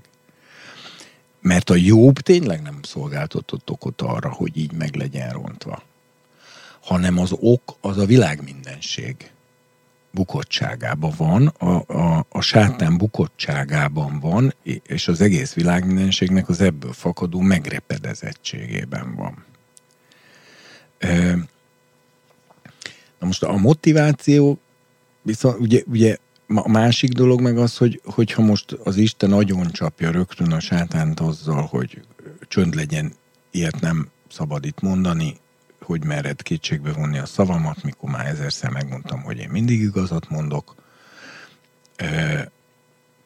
Ha hatalmi szóval elnémítja, akkor mivel az angyalokban óriási igazságérzet és jogérzék van, hiszen ők arra vannak teremtve, hogy a világ mindenségben az igazságosság és a jog érvényesülését segítsék. Ezért az összes jó angyalban felkunkorodott volna az a gondolatocska, hú, de elhallgattatta. Mi van akkor, hogyha ebben mégis van igazság? Hát ezzel nem lett bebizonyítva, hogy hogy ez nem lehet igaz. És így a lázadás örökre megmaradna a világ mindenségben. E, mindig újra, hiába csapná agyon Isten mindig a lázadókat, mindig új lázadók lennének, mert, mert, nincs, mert, mert közben meg maga a válasz, az nincs. Igen. És ezért innen is érthető, hogy, hogy Istennek a saját természete is lényege és természete is arra vezeti, hogy ezt ne hatalmi szóval intézzel, és tulajdonképpen a bölcsesség, a józanság és a világ mindenség jövője felőli, tehát hogy, hogy egyszer majd eljön az az időszak, amikor csupa szabad lények lesznek, de már senki se lázott föl. Ugye ez lesz a, a, a végső nagyszerű állapot. Hát igen, csak mi az a statisztikai pillanat, ahol, ahol Isten meghúzza a határt, mert akkor ilyen értelemben jobb egy kiemelt példa, de alapvetően rávetíthető minden egyes emberi lényre az, ami vele történik. Most a súlyosságát tekintve nem feltétlenül, meg a tisztaságát sem, de mégiscsak arról van itt szó, mert ugye erre megmondhatná azt az általad tanúként beidézett angyalsereg, hogy na jó, na de mi van a következővel? Jobbról bebizonyosodott, de mondjuk Ruftiborról még nem bizonyosodott be. És akkor ugyanott állunk, tehát, tehát amíg végig folyik a történet. Érzem is egyébként, hogy még nem bizonyosodott be. Hát, de érted, amit mondok? Hogy Abszolút akkor, hogy akkor mi, mi van, mi az a pillanat, valószínűleg akkor Jézusnak a halála, tehát az, hogy Isten megjelenik önmaga, és őt is ugyanígy kikéri és megöli a sátán. Valószínűleg ez, talán ez lehet az a pillanat jogi szempontból, ami, ami viszont már túlmegy ezen a bizonyos határon. Hát erről már beszéltünk, hogy ugye a, a, a mennyben Jézus megölése által vált az bizonyítottá, hogy a sátán gonosz szándékú. És bár mindig igyekszik nagyon a jog, jog és az igazságosság látszatát fenntartani és azt ö, használni, de a szándéka rossz, mert ha a szándéka jó lenne, akkor megtagadta volna az engedelmességet Jézus megölésével kapcsolatosan. Tehát azt mondta, akár még Istennek is azt mondta volna, hogy ne haragudj. Ezt én nem fogom megcsinálni. És akkor kiderült volna, hogy ő egy jó indulatú ügyész. Mert egy nyilvánvalóan ártatlant nem lett volna hajlandó ö, megölni még akkor se, ha magára veszi az összes többiek bűnét. Na de akkor az elmúlt időszakban, ami... Egyébként ez még csak annyit mondanék, hogy van egy ilyen mondat ö, valahol az aztán az Efézus levélben, de lehet, hogy meg a Kolossze levélben is hasonló. Két mondat, hogy nem is a Kolosszéban van, hogy hogy Isten Jézus Krisztus keresztjének vére által békességet szerzett a földön is, meg a mennyben is. És ugye erre mindig föl szokták tenni a figyelmes olvasók azt a kérdést, hogy azt értem, hogy a földön, de a mennyben? Mennyben ott miért kell békességet szerezni? Pont, pont ezért, amit mondasz.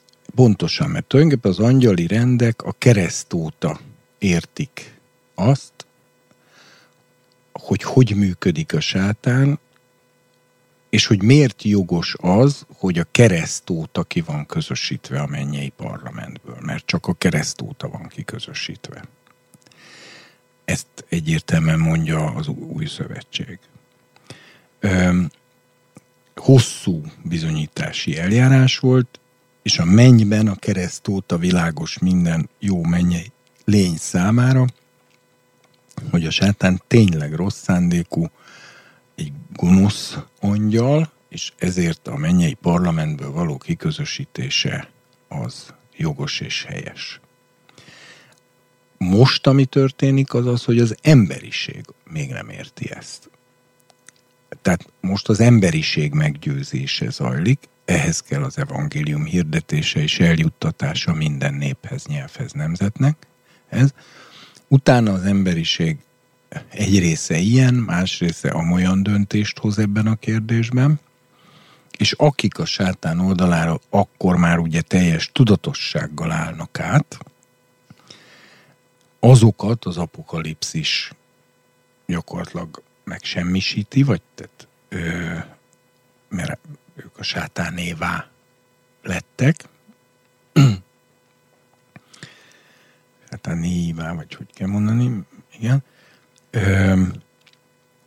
és utána a, a jól döntő emberek már fölfelé tudnak haladni, mert ugye először az ezer éves királyság a Földön, ahol azért még vannak kisebb, nagyobb rossz dolgok, de már viszonylag kicsik, és utána jön az eljövendő világ, ahol végre majd boldogan élhetünk, mert ez az egész ki lesz küszöbölve, és ott ugyan mindenki abszolút szabad lesz, de azért nem fogja senki már ezt a dolgot megismételni, mert teljes belátással fogunk rendelkezni az egészről, hogy ez, hogy ez mivel jár. És ha már valaki teljesen világosan látja ennek a lényegi gonoszságát ennek az egésznek, attól már nem kell tartani, a szabad emberként, vagy lényként sem bukik már újra, hiszen már az egész történetet ismeri, átlátja.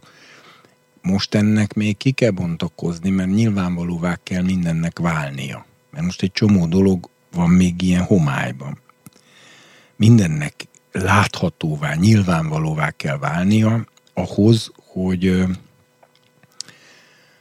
és egyébként ide tartozik ez a dolog is, hogy ugye amikor aztán a sátán ugye persze vádat emel, hogyha valakit sikerül bűnbe buktatnia.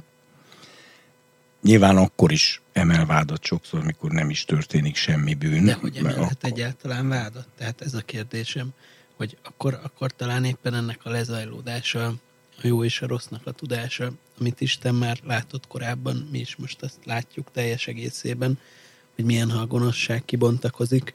Hát teljes egészében még messze nem. Hát jó, csak majd, hogyha, tehát most így az egészet egy, egy, egy filmként kezelve, vagy látomásként, vagy valóságos látomásként, de hogy hogyan, de akkor hogyan tarthatta meg ezt a pozícióját az ügyészi pozícióját az 2000 évben. Szerintem az ügyészi pozícióját nem tudta megtartani, mert azt egyértelműen írja az ige, hogy a mennyei Sanhedrinből, hogy így mondjam, onnan kiközösítették, mert ezt ugye mondja Jézus, hogy amikor az ember fiát felemelik, akkor vettetik ki e világ fejedelme, és a kivettetik, ez az ekbáló exó ö, görögben, itt kétszeresen szerepel benne a, az ek, tehát a ki, ex, ö, ugye, hogy ekbáló exó, hogy kívülre kidobatik, szó szerint ezt jelenti, és ezt az új szövetség, meg más szövegek is, a kiközösítés fogalomkörére használják, ami meg ugye a rabinikus jogban az egy nagyon konkrétan körülhatárolt büntetési forma volt. Tehát azt én azt gondolom teljes biztonsággal a Biblia alapján ki lehet mondani, hogy a Golgotai keresztáldozat és a feltámadás kor vagy annak napjaiban a Szatán mint ilyen ügyészangyal, e, elveszítette ezt a megbizotását, és elveszítette a mennyei tanácsba való bejárási jogát. Most ennek ennél a jelenések könyve ír olyat, hogy nem szűnik meg éjjel-nappal vádolni az Isten választottait az Isten szín előtt, de ezt már nem, nem az ügyészi jogkörében teszi, hanem mint az a, az a napszemveges házmester, aki a feljelentő leveleket írogatta a kommunista hatalom alatt a különböző lakók ellen, hogy mit hallott melyik lakásból, izé, bűnös rockzene hangjai szivárogtak ki, és Coca-Colát fogyasztottak a fiatalok. Tehát ugye van olyan, aki hajlamánál fogva szeret feljelentgetni, ebben leli kedvét, tehát vannak ilyen emberek, érdekes népség, és ezt viszont továbbra is műveli, és hát mivel azért ő végül is, hogy mondjam, csinálta ezt sokáig magas állásban is, tehát mondhatni ért hozzá, meg hát nagyon intelligens, meg ügyész, meg mit tudom én. Ezért tény, hogy profin csinálja, tehát... De hogy van ehhez fórum? Hol? Hol van ehhez az a fórum, hogy... Hát a fórumot maga az adja, hogy ugye mi tényleg nem csak, tehát mi nem vagyunk tökéletesek, még mi se, akik már újjá születtünk, nem vagyunk még tökéletesek, legfeljebb egyfajta ilyen szellemi értelemben, de emberileg, vagy lelkileg, vagy erkölcsileg nem vagyunk tökéletesek. Szoktunk csinálni olyan dolgokat, amiket később mi magunk is bánunk, és kérjük a bocsánatot, és minden. Most erre lehet mondani, hogy nem olyan nagyokat, mint, mint régen csináltunk a megtérésünk előtt, de azért előfordult, tehát jelentkezzen az a testvér, akinek sose kell a házastársától bocsánatot kérni veszekedés miatt. Jó, most minden egyedülálló persze jelentkezhet erre, de a házasok közül nem hiszem, hogy valaki fog, vagy aki jelentkezik, azt pedig ö, az öncsalás ö, démonától kell szabadítani. Ö, vagy pedig ő maga Jézus Krisztus, de akkor meg nem lenne házas, na mindegy, szóval nem akarok viccelni ezzel, hanem csak azt mondom, hogy Hát ugye sokszor testvéreknek ilyen nagy kárhoztatásaik vannak olyan dolgok miatt, amiket nem is követtek el, meg a Biblia nem is mond bűnnek. És ö, rengeteg ilyen, akik, akik hajlamosak kárhoztatásra, vádlásra, azok, azok mindig tudnak találni magukba valamit, ami miatt ö, gyötrődhetnek azon, hogy ők most már kiestek a kegyelemből, és az Isten elutasította őket. Aztán, amikor lelkészként beszélget velük az ember, és, és kiderül, hogy tulajdonképpen nem is létezik az a dolog, ami miatt ő kárhoztatást él át, vagy ha létezik is, azt a Biblia nem tekinti bűnnek például, vagy, vagy messze nem olyan súlyúnak, stb. stb. És akkor ugye ilyenkor én viccesen, mert néha már nem tudok kinomba sem más csinálni, szoktam mondani, hogy drága testvérem, tényleg nincs bűnbocsánat arra, amit elkövettél. Mert a bűnbocsánat csak, bűn, csak, csak bűnre van. van. Ne haragudj, de tényleg el lehet mondani, hogy még Isten sem tudja neked megbocsátani azt, amit el se követtél. Ez tény, és ezért, hogyha te éjjel-nappal könyörögsz azért, hogy ez neked legyen megbocsátva, és nem érzed azt, hogy meg van bocsátva, az azért van, mert tényleg nincs megbocsátva, mert Isten nem tudja neked a bűnbocsánat kegyelmét, hogy mondjam, rádárasztani olyan dologért, nem hajlandó megbocsátani csak a te kedvedért azt, amit el se követtél. Na de viszont van egy még nagyobb örömhír.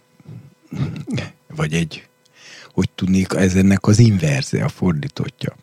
Hogy bármilyen megdöbbentő, de nem csak azokra a bűneinkre van bűnbocsánat, amit el se követtünk, hanem még azokra is, amiket tényleg elkövettünk.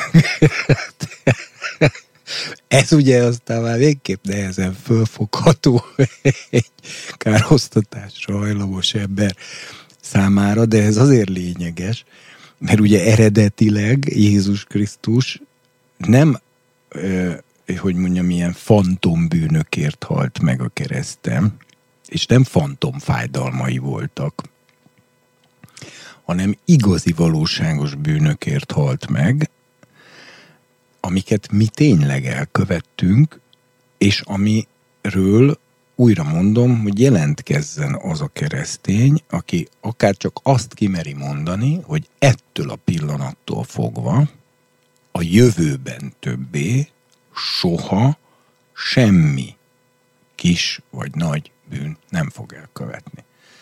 Én nem tudok olyan őszinte keresztényt, aki képes erre a mondatra jelentkezni.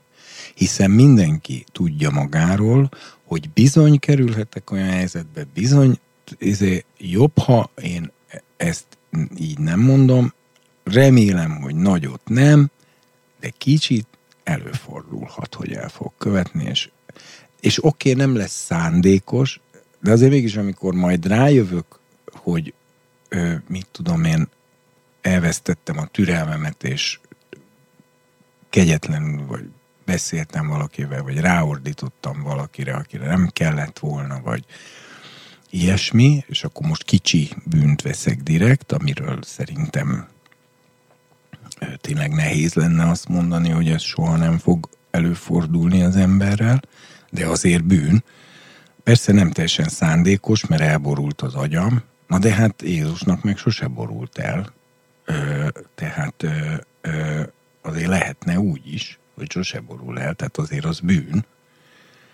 Hát, és aki, és ha mondjuk utána azt mondja a házastársának, hogy mert ugye vannak ilyen történetek, hogy, hogy, ö, hogy ö, nem akar még utána bocsánatot se kérni, pedig már szétanyázta, meg mit tudom én, micsoda, és akkor bocsánatot se akar kérni, mert, mert, mert, a, mert azt mondja, hogy, hogy ah, csak azért lettem ilyen indulatos, mert te úgy viselkedtél, meg provokáltál, meg te, és az is miattad van. Na hát az ilyen embertől mentsen meg Isten. Na jó, de most, most ez Fele... kapcsolódik ahhoz, amit alapból kérdeztem, hogy hol van ennek a fóruma? Tehát, hogy, hogy most... Bármi... Ahol a sátán feljelentést tesz? Hát nem a, nem a, menny, a mennyei parlamentből ki van tiltva. Na de akkor Le van esve a második égbe. De akkor hogyan van neki mégis jogköre ahhoz, hogy bárkinek is kárt okozzon, akár jogos. De azért, mert a világ mindenségben jogszerűség érvényesül, és ha valóban követel valaki bűnt, érted? Tehát valóban egy, akár egy keresztény is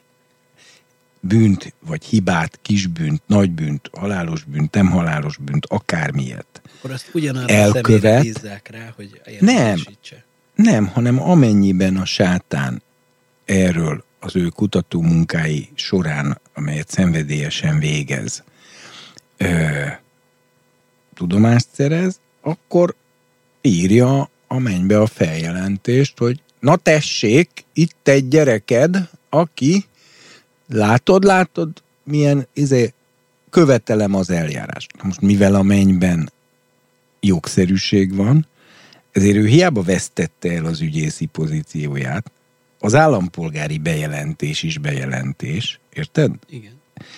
Tehát az Istent ez kötelezi, hogy valami, valamit csinálnia kell, mert az Isten nem válhat cinikussá, hogy, hogy na gyerekek, az ördög itt annyit izél, hogy mostantól az a stratégiánk, hogy többé egyáltalán nem foglalkozunk azzal, hogy ki követel bűn, meg ki nem követel. Na de ezt Isten nem teheti meg, mert hát neki fel, ne, ő felelős az egész világ mindenség rendjéért.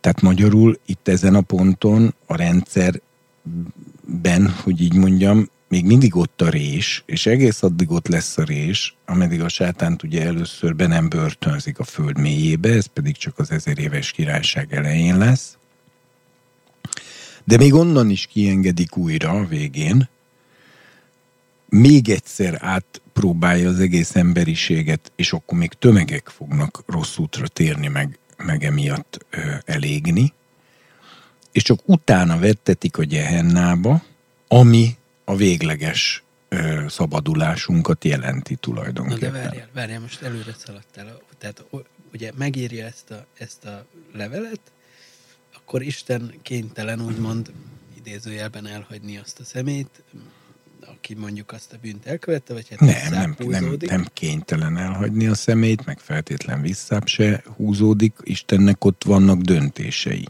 Uh-huh. Hogy ehhez hogy viszonyul. Tehát például elfedezéssel viszonyul, vagy balhét csinál, vagy hogy és ezt nézd meg a Dávid életét mert ugye ott ezt nagyon jól lehet szemlélni, mert a Dávid valós bűnöket követett el, azután, hogy Szent Szellemmel fölkent ember volt, és Isten azt mondta róla, hogy végre megtaláltam a szívem szerinti férfit. És akkor ez a szíve szerinti férfi, ez ugye két halálos bűnt nyomott be e, izé, mert ugye utána még gyilkosság, ráadásul elég aljas eszközökkel is, a házasságtörés után, és utána, amikor aztán ugye ott, ott keresztül is megy kőkeményen a, a verésen, tehát a, a, elveszti gyakorlatilag az országát, és a saját fia halára üldözi, meg más gyerekei már korábban meghalnak, de akkor ugye onnan újra talpra áll, megint jól mennek a dolgok, de azért ebben egy egész komplett isteni eljárást azért ki, lehet tapintani. Ezt nem a sátán csinálta csak úgy, hanem ennek jogalapja volt, hogy úgy mondjam, és emiatt a, a, a Dávidnak a darálón keresztül kellett menni, de elvetve nem lett, tehát itt ez azért lényeges, és akkor utána pedig még egyszer az élete végén pedig, hogy ő most megszámláltatja a népet, amiről azt mondja egyértelműen a Biblia, hogy a sátán indította föl Dávidot. Tehát, hogy kép, ugye ez is megdöbbentő, hogy egy ilyen volumenű szellemi ember, aki megírta az egész Zsoltárok könyvét, és Isten szíve szerint való ember, és stb. stb.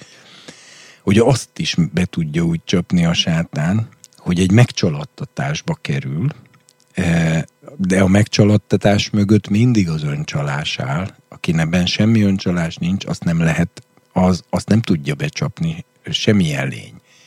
Azt, azt használja fel, tehát van, van valami. Na ez, az a, ez a másik téma, amit kezdtünk az elején, csak lehet, hogy ettől most csapongó lesz, de hogy ugye a sátán nem látja a motivációinkat, de sokszor mi se látjuk a motivációinkat. Hát igen, pontosan. Tehát, tehát ezt nagyon nehéz beazonosítani, vagy tetten érni, hogy, hogy honnan jön, a akkor, akkor az öncsalás, ráadásul egy olyan szívnek a mélyén, amit ugye maga a Biblia is megállapít, hogy kiismerhetetlen. Tehát akkor most, most a motiváció, a tényleges motiváció és a cselekedet közti összefüggés és ennek az egésznek a rendszere az hogyan működik? Ö, tehát én most még picit az előző kérdést re is válaszolnék azért, hogy, hogy mert ugye ott te rögtön azt mondtad, hogy na és akkor ha, ha kiderül, hogy igazi bűnt követett el, akkor Isten elutasítja. De nézd meg a konkrét eseteket, nem, nem, hogy a konkrét esetekben nem... És akkor meg tudja támadni a, a végrehajtó hatalom, vagy nem tudom micsoda. Hát... Ö, jó, ö, kicsit ez is elnagyolt azért, de én azt azért nagyon fontosnak tartom itt kiemelni, hogy itt a Dávid elhagyásáról van szó, meg eleve már ahhoz, ahhoz is vissza kell húzódnia egy kicsit, hogy egyáltalán egy ember ekkorát ö, ilyen megcsalattatásba kerülhessen, akinek egyébként a szíve alapvetően rendben van. mert itt ugye ez egy nagyon lényeges kérdés, hogy azért az Isten a Dávidot az egész történet során egyszer se vetette el véglegesen, de még Sámson se. Sámson is nagyon megitta a levét a, az ő rossz döntéseinek, de azért ahogy fölkiáltott az úrhoz, hogy uram, meg hadályok bosszút a filiszteusokon a két szemem világáért, azonnal jött vissza Szentlélek, és rádöntötte a templomot, a, és, és a, egyből több embert ölt meg a templom romba döntésével, mint egész életében az ellenségből. Igen. Szóval, tehát, tehát itt is, vagy például Asa király egy nagyon érdekes eset. Mert Asa királyt mindenhol jónak mondja a Biblia, hogy jó király volt. De azért élete vég, de azért közben elolvasod az életét, akkor a következőket tudod meg. E, e, és most nem is emlékszem mindenre. Élete végén egy proféta profétált neki, hogy hozott egy rossz döntést ilyen ö, diplomáciai hadügyi kérdésben, és azt a profétát börtönbe vettette. Igen. E, maga a rossz döntés, amit hozott ebben az ügyben, ahhoz ugye ragaszkodott, pedig az rossz döntés volt, és még a proféta is megintette. E, aztán azt mondja, hogy a nép közül sok embert megnyomorított ezt is mondja, és aztán végül azt is mondja, hogy betegségében sem az urat kereste, hanem az orvosokat. Ami ugye akkoriban az orvostudomány az, az inkább az okkultizmus világához tartozott, mint a, mint a mai, tehát az nem a mai értelembe vett orvostudomány. És ez az, az eredeti, most bocsánat, ha olyat kérdezek, amit túl izé, de hogy, ez, de hogy az eredeti szó is arra megy vissza, tehát a héber szó az orvos azt jelöli meg, hogy ilyen szellemi eredetű orvoslás? Ö, nem kell, hogy ilyen külön megjelölés legyen, mert abban a korban nem létezett a mai értelembe vett orvostudomány. Ö, se, semmilyen népnél. Igen. Tehát mindig ö, valamilyen ilyen var, varázslásos dologgal is összefügg. Hm. Na most, ö, de ezek azért elég komoly vádak, mert sok embert megnyomorítani, profétát börtönbe vetni, és mégis az a megdöbbentő, hogy a végső értékelésben Isten azt mondja, hogy, hogy Asa jó király volt. Ö, szerette az urat. És jó, jó, és akkor még a későbbi valamelyik fiát, vagy unokát, vagy dédunokát még úgy is fedi meg, hogy mert te nem jártál a, a te apád, atyádnak, asának az útján, aki szerette az urat, és jól követte, és jól cselekedett. Ugye itt látszik, hogy amiért mi emberek már keményen elítélnénk a sát, a Isten az egész életének a mérlegét nézve meg azt mondja, hogy jó, jó király volt, jó ember volt, jó király volt, szerette az urat. De teszi ezt úgy, hogy közben milyen együtt érzett azokkal, akiknek például megnyomorított. Természetesen, sőt egyébként meg is ö, az asát azért fenyítette emiatt, tehát, tehát az asa részesült emiatt ö, ö, nehézségekben de egy pillanatig nem mondja Isten azt, hogy az Asa ne lenne jó király, meg jó ember. Tehát itt lát, ezért itt kezdünk odaérni ehhez a motivációs kérdéshez, mert ha valaki, és ezért fontos, hogy az emberek ne, a, ne teológiai elméletek, meg ilyen, meg ilyen Bibliából gyártott, de ilyen leegyszerűsítő, sematikus normastruktúrákba gondolkozzanak, hanem a Bibliának a, az ítéletét, az ítélethozatali módját kövessék, és akkor az ember azon döbben meg, hogy a Biblia sokkal irgalmasabb, mint amilyenek mi vagyunk. Ugye Dávid ezt ki is mondja egyébként, amikor egy helyen azt mondja, hogy ha már mindenképp büntesni fog az Isten, akkor, akkor essünk inkább az Isten kezébe, ugye ezért választja a háború helyett a járványt, a halálos járványt, ne Dávid választhat, hogy háborúval büntesse Isten, vagy halálos járványjal büntesse a népszámlálásért. És erre azt mondja, hogy inkább essünk az Isten kezébe, mint emberek kezébe, mert igen, irgalmas az Úr, és könyörületes, és ezzel a járványt választja. E, és 70 ezer ember hal meg három nap alatt Izraelben, ami azért elég kemény létszám a Dávid bűnéért, és én mindig ezt szoktam mondani, ha annak a 70 ezer embernek az árvái írták volna meg az Ószövetséget, akkor az Ószövetségben te Dávidról azt olvasnád, hogy nála gonoszabb pszichopata szörnyeteg még soha nem ért a földön. De hála Istennek, hogy nem annak a 70 ezer embernek, akik a népszámlálás miatt, a Dávid bűne miatt 70 ezeren meghaltak, nem az ő árváig írták meg az Ószövetséget, hanem konkrétan ezt a részt Gád és Nátán proféta írta meg. akik, akik az Isten szemével tudták látni a Dávidot, jól lehet tökéletesen tisztában voltak, ugye főleg a Nátán volt az előző ügynél a, a Dávidnak a fed megfeddője, de egyben a kegyelemnek a, a, a hirdetője is. Itt meg a Gád, a népszámlásos ügynél a Gád. És a, a, ugye a kettő Sámuel, tehát a Sámuel második könyvet, azt nem Sámuel írta, hiszen Sámuel már az első könyv vége felé meghalt, hanem a, az egész könyvnek az a címe is, és szerepel is így a Bibliában, hogy ez meg van írva a Sámuel, a Nátán és a Gát próféta könyvében, tulajdonképpen, mert ők ketten ugye a Sámuel tanítványai voltak, és amit mi úgy hívunk, hogy Sámuel első és második könyve, annak valójában az a címe, hogy a Sámuel, a Nátán és a Gád könyve.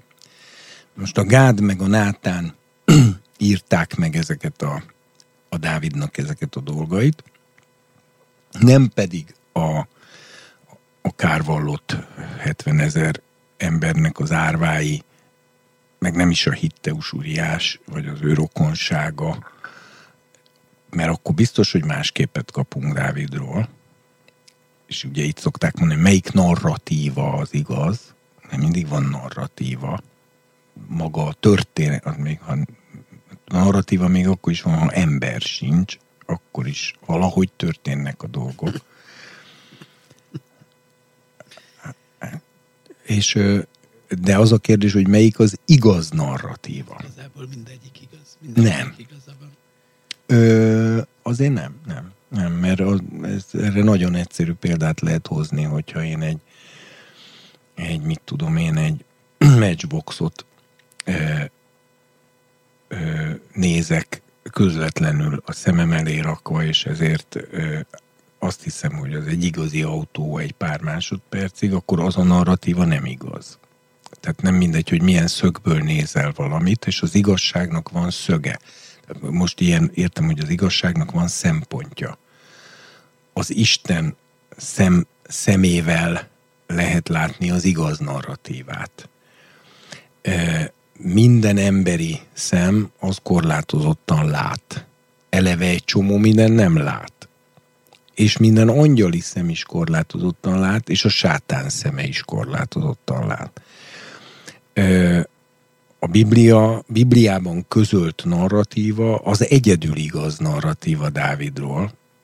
A többi narratíva nem lett volna igaz, és ha a 70 ezer ember árvái írják meg a, azt a részt, az nem lenne szentírás.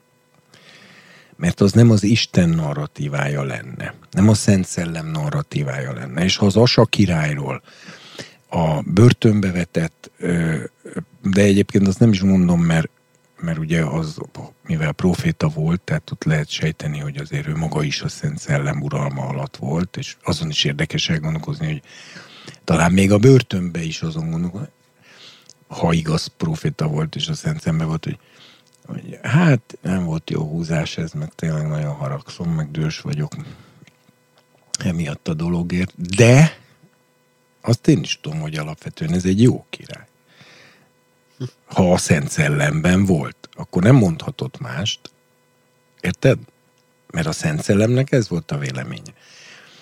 Tehát Igen, a... csak az igazság az ilyen értelemben egy relatív dolog. Tehát Isten igazsága bizonyos, tehát hogy elhiszem, hogy ez egy tökéletes és mindenki szívét átvizsgáló tökéletes ítélet alkotás abban az egész ügyben, de ettől függetlenül a, a személyes igazságok is igazságok, amiket Isten is megfelelő igazságúnak tartott ahhoz, hogy át is élje. Szóval, szóval ez egyfajta igazság. Ö, nincs, én, tehát az, hogy Isten a maximális együttérzése, szeretete, és tényleg isteni léptékű együttérzése, ami, ami azt jelenti, hogy úgy érzi egy lényének, teremtményének a fájdalmát, mintha vele történne, és tulajdonképpen a Krisztusban ezt fizikailag is beteljesítette a kereszten, de, ez, de Isten szívén tekintve meg ez egy örök tulajdonsága, ami mindig is megvolt. Ez az együttérzése és részvéte azzal, hogy a korlátozott emberi narratívákkal tehát ő érti azokat is, hogy így mondja, megérteni, megérti, de ugye tudod azt, hogy a meg, megérteni, meg egyet érteni, az nem ugyanaz. Jézus elbökte magát a Lázár sírja előtt.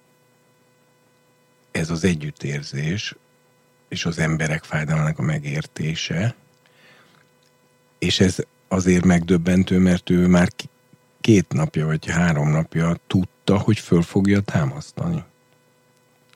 Akkor miért sírt? Ö, így, ha ezt a kettősséget megérted, tehát a, az, hogy megértek valakit teljes mélységében, és akár vele együtt sírok, őszintén, tehát nem, nem megjátszásból, az még nem jelenti azt, hogy egyet is értek a narratívájában például.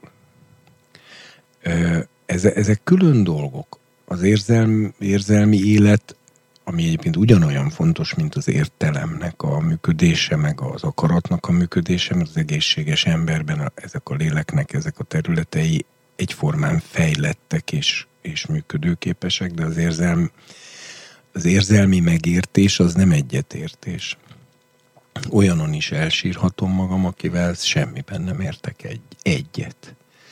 És adott esetben előfordulhat, hogy valaki, akivel mindenben egyet értek, de érzelmileg nem, nem, nem érint meg az állapota. Az, ér, az érzelmi igazság az nem olyan, mint az értelmi igazság. Tehát az érzelemnek, tehát a József Attának az a verse, hogy nincsen apám, se anyám, se Istenem, se hazám, stb. stb. Annak a versnek bizonyos értelemben egy sorával se lehet egyet érteni egy keresztény embernek. De azt, hogy az ember szokta magát így érezni, és hogy ebben viszont egyetemes emberi életérzés fogalmazódik meg, mert mert az élete során valamikor még a legszerencsésebb sorsú emberek is érzik magukat néha így, ez vitathatatlan tény. Ez egy érzelmi igazság. Az érzelmi igazságtól nem várunk el értelmi igazat is. Nem tudom, érthető. Tehát ö, most hirtelen elvesztem a József Attila vers soraiban, mert elképesztő. Tehát úgy végigfuttattam, és hogy végül is miért nem lehet egyetérteni? Hogy ezt nem lehet úgy értelmezni, mint a megtérés pillanatát? Rendben hát de én most az, én bennem most végigfutott a többi sor is az is, hogy e, ö, ö, ha kell embert is ölök, elfognak és felkötnek, felkötnek, áldott földdel elfödnek, s halált hozó fűterem gyönyörű szép szívemen. Jó, de igen, ez is igaz, meg előtte ott van az is, hogy, hogy mit tudom én, betörök, meg igen, embert is öl, tiszta igen, szívvel igen. betörök, ha kell embert is ölök. De az nem gyilkosság. Na jó, nem. Tehát most azért mondom, hogy rad értelmileg, értelmi szem, fogalmilag ezzel a verssel keresztény ember nem érthet egyet. Ugyanakkor érzelmi szempontból pedig, ha őszinte ember, akkor el kell ismernie, hogy ez egy valós emberi életérzést fogalmaz meg ez a vers olyan erővel, amilyen erővel talán a világirodalomban ezt a valós és mindenki által ismert életérzést még senki nem fogalmazta meg így. És ettől jó a vers. Miközben tartalmilag nem mondhatod, hogy igaz. Na most én csak azért mondom, hogy ezt válasz, mert így különben azt se tudod megérteni, hogy miért sír Jézus, amikor tudja, hogy öt perc múlva föltámasztja Lázárt. Azért, mert ezek, ezek tehát most az, hogy ott sírnak körülöttem azok az emberek, akik, lát, akik ismerték, szerették Lázát, stb. Ez, tehát ez egy érzelmi valóság, és ebben van egy, ebben a, a dologban van egy, egy, egy magas, magasztos és magasrendű örök igazság. És amikor ezért ez, az, ez elsodorja az embert, akkor elsírja magát, még akkor is, hogyha egyébként már napok óta tudja, hogy a történet úgy fog véget érni, hogy föl fogja támasztani. Tehát ugye ez is a modern racionalista ember az úgy működik, hogyha valamivel az értelmében nem ért egyet, azzal az emberrel már együtt érezni se tud. Ez nagyon beteg dolog. Tehát ez, az írgalom, az együtt, ami ugye a görög szó igazából együttérzést jelent, az nem az a feje, tehát az nem a tehát most, hogy mondjam, attól, hogy valaki mit tudom én, az alkoholizmus miatt lett a kéregető koldus. De például mit tudhatom én, hogy mitől lett alkoholista? Tehát az is lehet, hogy a felesége megcsalta 50-szer, utána ö, ö, a vállás miatt ez az ember elveszítette a lakását, gyerekeket ö, mindent odaítéltek az asszonynak, ö, megfelelő pénzzel is, ő először hajléktalan lett, akkor még egy darabig próbálkozott, nem tudott kijönni belőle, mert mondjuk a képzettsége se olyan, meg mit tudom én, végül lecsúszott, és akkor most alkoholista, és ott egyrészt nem biztos, hogy ez lesz a vége a történetnek, másrészt nem tudjuk, honnan érkezett ide. Ha én élből megvetéssel viszonyulok ez az emberhez, azzal, hogy az az ő bűne, az ő hibája, hogy ide jutott. Én nem ezt csináltam, ezért én nem vagyok alkoholista hajléktalan, hanem én itt ülök az autómba és élvezem a légkondit. Maga tehet az egész dologról. Ez egy hazug, kegyetlen és abszolút irgalmatlan hozzáállása ez a kérdéshez. Fogalmam nincs, hogy az az ember mind ment keresztül, nem ítélhetem őt meg, hiszen elképzelésem sincs, hogy hogy, hogy jutott ide. Egyáltalán nem biztos, hogy ez mind az ő hibája, meg a saját akaratából történt így. És én mondhatom, hogy, hogy nem lehet ilyen gyengének lenni, erősnek kell lenni. Ö, olyan erős lenne, mint én, akkor nem itt tartana. Ezek gőgnek, kevésségnek, az élet, ez a biosz, a biológiai élet kiérkedésének a legkeményebb, leggonoszabb szavai. Ne adjon neki pénzt, ha nem akar, meg nem indul föl rá, én se szoktam mindenkinek adni. De nem kell egy ismeretlen emberről legjobb semmit se gondolni. Nem tudhatjuk, hogy mi, mi zajlott ott le. Nem tud, iszonyatosan sok tényező van egy ilyen történet mögött. Most félre ne értsen bárki, én nem az alkoholizmus mellett török lácsát. Én csak annyit mondok, hogy óvatosnak kell lenni azzal, hogy valakit, akinek az élete teljesen tönkrement, és nincs ereje megmenteni és rendbehozni az életét, hogy azon még én is üssek egyet azzal, hogy milyen állapotban vagy te, miért szól, hogy nézel ki, stb. Ez nem segítségnyújtás. És hogy felelőssé teszem őt mindenért, mi, az egész állapotáért azt mondom, te vagy a felelős. Te juttattad magad ide. Én megmondom őszintén, én ezt nem merem megcsinálni, mert nekem eddig az a tapasztalatom az eddigi rövid életemben, hogy én amiben mást elítéltem igazságtalanul, én velem az mind megtörtént. Amit mondana, mondja az ige, hogy a tanítóknak súlyosabb ítéletük lesz,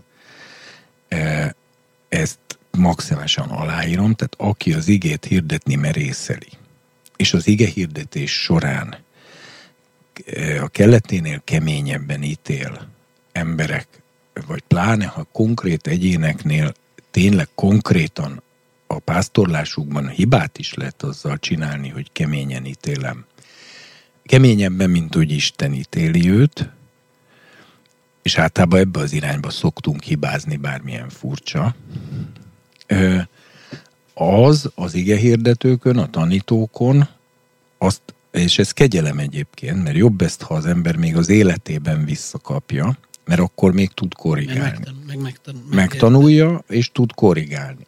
Jó, sokkal jobban örülök, mint ha Krisztus ítélő széke előtt döbbenten állnék, amikor elmondja, hogy az is rossz volt, az is rossz volt, azt is bántottad, azt is, az is, az is. Mi inkább szeretném itt ö, a, ezt, és akkor ott már ö, kevesebb bajba kerülök. Tehát, ö, tehát ezt csak arra mondom, hogy amit Jézus is mond egyébként, ne ítélkezé, ne ítélj, hogy ne ítéltes. E, ugye, ez nagyon konkrétan kifejez. Ne kárhoztassatok, hogy titeket se kárhoztassanak. Ne ítéljetek, ti sem ítéltettek. Bocsássatok meg, nektek is megbocsáttatik, adjatok, nektek is adatik. Mert mindenkinek azzal a mértékkel mérnek, amivel ő mér. Ahogy az emberen az élete során az Istenfélelem növekszik, pont az ilyen tapasztalatokból, úgy vonja le azt a következtetést, hogy a lehető legjobban kezdi az ember távol tartani magát attól, hogy emberek fölött ítélkezzen. A cselekedetek fölött természetesen sajnos, kicsit így mondom, kell ítélkeznünk, de ott, ott is nagyon lényeges, hogy a cselekedetnek is minden részletét, okát, hátterét meg kell ismerni ahhoz, hogy én azt a cselekedetet e, valóban igaz módon tudjam ítélni. Egyébként meg, ha lehet, és pláne ha nem rendelkezem a, a, annak a cselekedetnek az összes gyökérszálának, meg mindenének az ismer, akkor meg egyébként meg inkább azt se, vagy legfeljebb azt mondom, hogy hát a, ez az a része, az, az, az, azt én, én, én azt szeretem mondani, hogy én nem fogom ezt tenni, de még az nem tartalmaz ítéletet, de még ebben se lehetek biztos. A Hillél egyébként úgy mondta, aki ugye Jézus idejében, Jézus gyerekkora idejében volt az egyik legnagyobb tekintélyű rabbi. Valószínű Jézus beszélgethetett vele a, ezt sokan mondják, hogy a gyerekkori Jeruzsálemi látogatásánál szinte biztos, hogy hogy a Hillél is ott volt hogy abban ott a volt, jelenetben, abban csak a- a Biblia igen. nem nevezi meg adott Igen. És a Hillél az azt mondta, ugye ő híres volt a, a, a, az en, tehát erről az engedékenységéről, vagy ir, irgalmasságáról. És neki van egy ilyen mondata, hogy eh, senki fölött ne ítélkezz addig, amíg nem voltál az ő helyzetében. Na most, ha erre valaki azt mondaná, hogy miért idézek én ilyen ö, laza za- lazaságra okot adható izét, akkor én erre azt mondom, hogy én nem tudom, hogy Jézus a Hilléllel személyesen beszélte erről, de Jézus ezt erre még rátett egy lapáttal, mert ő nem azt mondja, hogy senki fölött ne ítélkezz, amíg nem voltál az ő helyzetében, hanem ő kategorikusan azt mondja, hogy ne ítélkezz, hogy ne ítéltessél. Vannak bizonyos szituációk, amikor az embernek erkölcsi kötelessége ítéletet hozni, de akkor sem az ember fölött, hanem a cselekedet fölött, és ha valóban ez erkölcsi felelősségem, hogy én hozzak ott ítéletet, ha már nem menekülhetek el ez, a, ez elől a nem kellemes dolog elől, és aki ezt kellemesnek tartja azt, hogy ítéletet hozhat, azt szerintem nézzem magába, hogy miért tartja kellemesnek az ítélkezést. De maga, hogy miért kellemes. Mert azt én megértem, hogy néha szükséges, de mi benne az élvezet? Ott valami furcsaság van annak a lelkében, aki a mások fölötti ítélkezést élvezi. Ott valami nem stimmel szerintem. Mi ebbe az élvezetes? Az embernek néha ez kötelessége, pláne hogyha vezetőként meg ilyesmi funkcionál.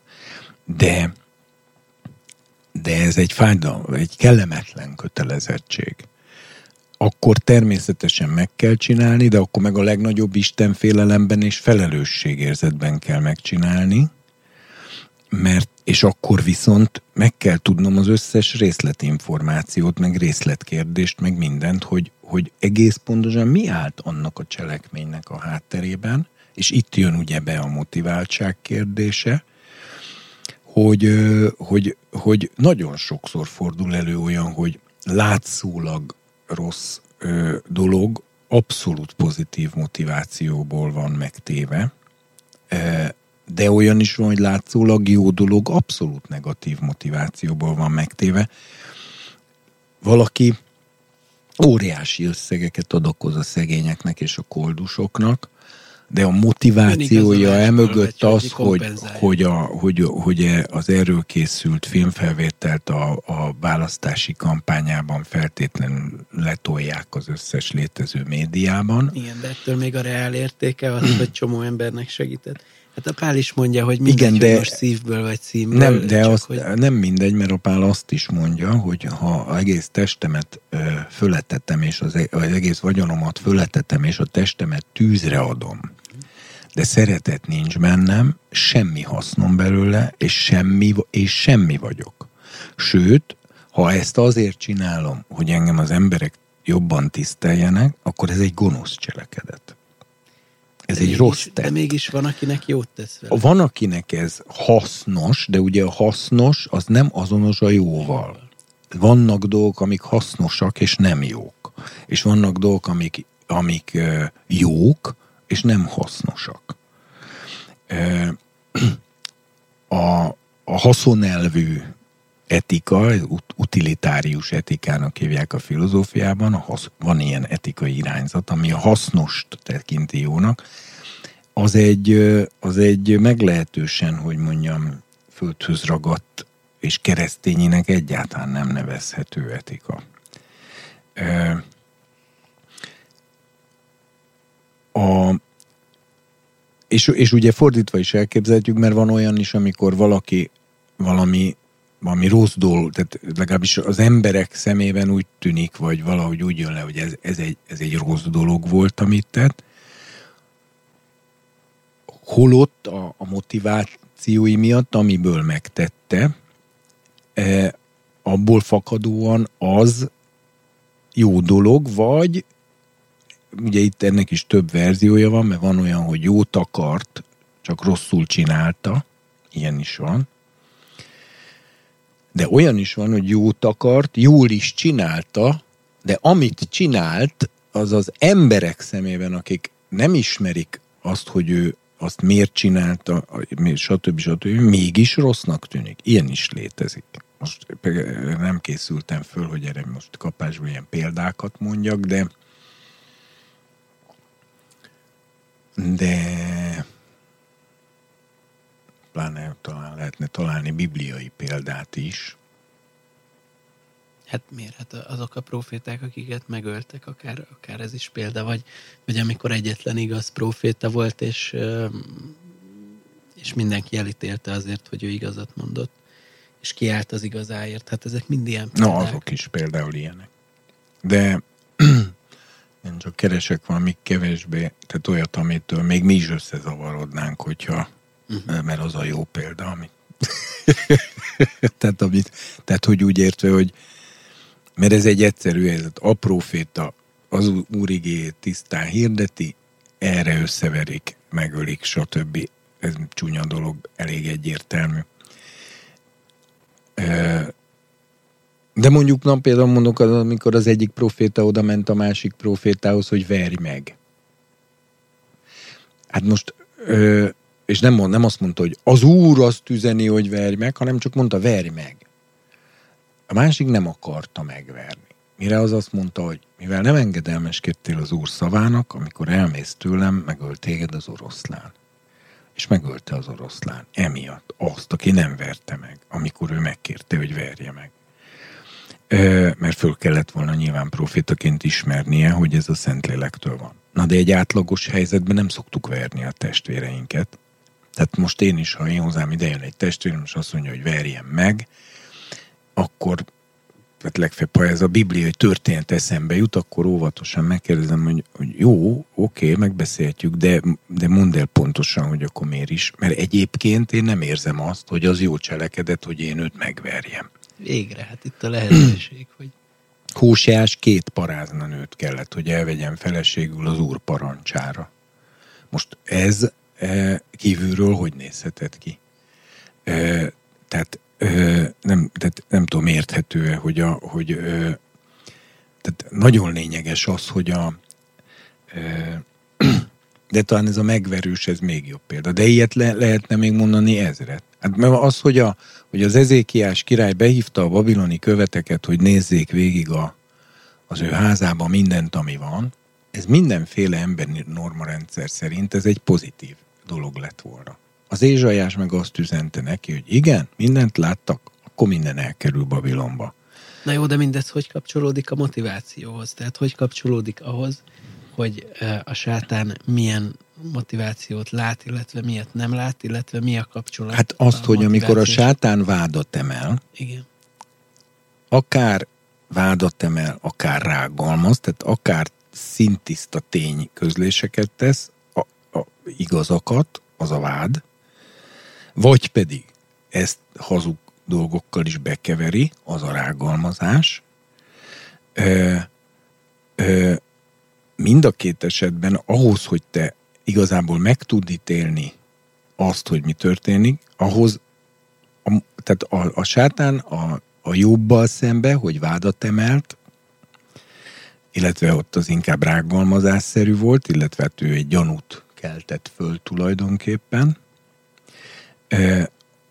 Az ok, hogy ez, hogy ez oda tudott vezetni, hogy ilyen megpróbáltatáshoz vezessen, az volt, hogy a jobb motivációit senki sem ismerte, csak Isten. Ezért kellett Istennek ahhoz is, hogy a maga szava hitelességét védje, meg a jobb hitelességét is védje, kiadni a jobbot, hogy derüljön ki, váljon nyilvánvalóvá, hogy milyen a szíve, és ha majd már mindenki látja, hogy milyen a szíve, akkor le tud csendesedni a világ mindenség, és mindenki meg tud nyugodni, hogy a sátánnak mégse volt igaza. De ehhez a jobbnak nagyon kemény dolgokon kellett keresztül menni. Ha a motivációkat Istenen kívül bárki más látná, akkor ez a probléma nem állna fönn. Mert akkor rögtön rá lehetne mutatni, hogy hát mit dumálsz te. Jobb szereti Istent. Ö, az a motivációja.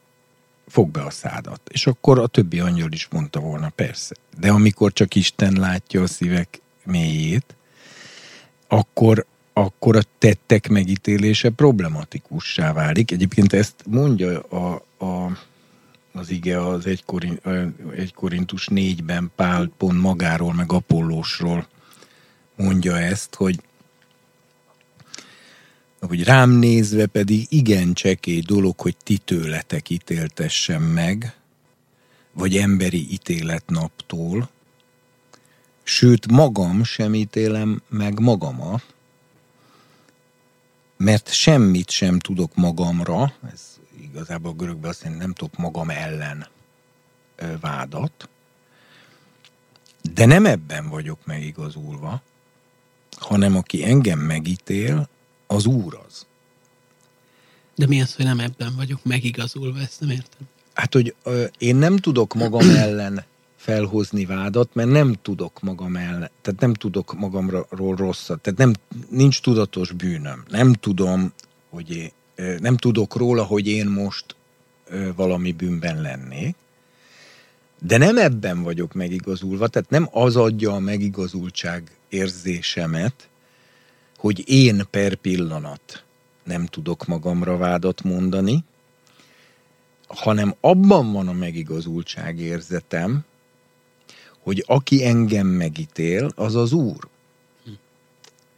És ezért azt mondja, hogy én nem is ítélkezem magam fölött. Itt ezt kimondja. Tehát azt mondja, hogy még egyszer, ez rendkívül fontos rész, rám nézve pedig igen csekély dolog, hogy ti tőletek ítéltessen meg, vagy emberi ítéletnaptól. Ne, tehát ez teljesen súlytalan, mert, mert emberek nem, tud, nem, nem képesek a szívet látni, tehát bármit mondhattok, nem Igen. valószínű, hogy igaz meg, lesz. meg van benne egy, egy kétértelmű dolog is egyébként a görögben is, mert egyrészt azt is jelenti, hogy rám nézve csekély dolog, hogy hát tulajdonképpen nem érdekel, hogy mit gondoltok Igen. róla. De, de más jelent, ugyanennek a mondatnak, ahogy ez szokás a Bibliában, van egy teljesen más értelme is, hogy, hogy könnyű lenne nekem, ha ti ítélkeznétek fölöttem. Hát ez meg a másik, hogy ennek nincs De igazi engem hatása. Isten ítél meg. Tehát, tehát ez is benne van. Az egyik azt mondja, hogy tulajdonképpen jobban járnék, ha ti ítélkeznétek fölöttem, de Isten fog fölöttem ítélkezni, ami nagyobb ügy, De, de közben meg ugyanakkor ugyanebben a mondatban a pál szereti a két értelmű mondatokat egyébként, mint hogy az egész Biblia. Ugyanebben a mondatban az is benne van, hogy amúgy meg egyébként nem érdekel, hogy mit, mit Igen, ír, meg, hogyan ítéltek. Meg még az is, hogy az emberi ítélet az, az, az nem tud olyan végrehajtó erővel bírni, mint az isteni ítélet. Tehát akkor, akkor egész könnyű lenne, ha csak emberek ítélkeznénk, mert... Hát mert, mondjuk azért egy emberi bíróság is halára tudott ítélni. Na de hát az első, na de az igazi halál, meg az igazi élet, ke, hát ke, az nincs benne az ember kezében. Hát nincs, de azért mondjuk az se kellemes, ha az embernek, mit tudom én, bebörtönzik akár hány évre, vagy elveszik az e fél vagyonát, meg mit tudom én. Tehát Persze, csak azt mondom, hogy a kettő súlya között is van egy olyan lényeges különbség, hogy a könnyebb és nehezebb közül talán ez a könnyebb. Igen, és akkor, de utána azt is mondja, hogy én magam sem ítélkezem önmagam fölött. Tehát nem csak ti ne ítélkezzetek fölöttem, mert az amúgy is csekély dolog lenne, meg -e egyáltalán bármiféle emberi ítéletnap tól is ezt a jogot elvitatja, de utána még azt is hozzáteszi, hogy én magam sem ítélkezem magam fölött. Utána nagyon fontos itt minden, mert utána azt mondja, hogy mert én nem tudok semmit magam ellen, na de itt ugye akkor be lehetne bökni, hogy hát attól, hogy te nem tudsz, még lehet, mert létezik olyan, hogy az ember tudatlanságból van bűnben, sőt a keresztények esetében eh, már a legtöbb esetben erről van szó és akkor még évek múlva rájönnek, hogy az bűn volt, és akkor bánják meg. Tehát ö, ilyen ugye van, mert általában a keresztények már annyira direktbe, hogy nem szoktak bűnöket elkövetni. Bár az is előfordulhat.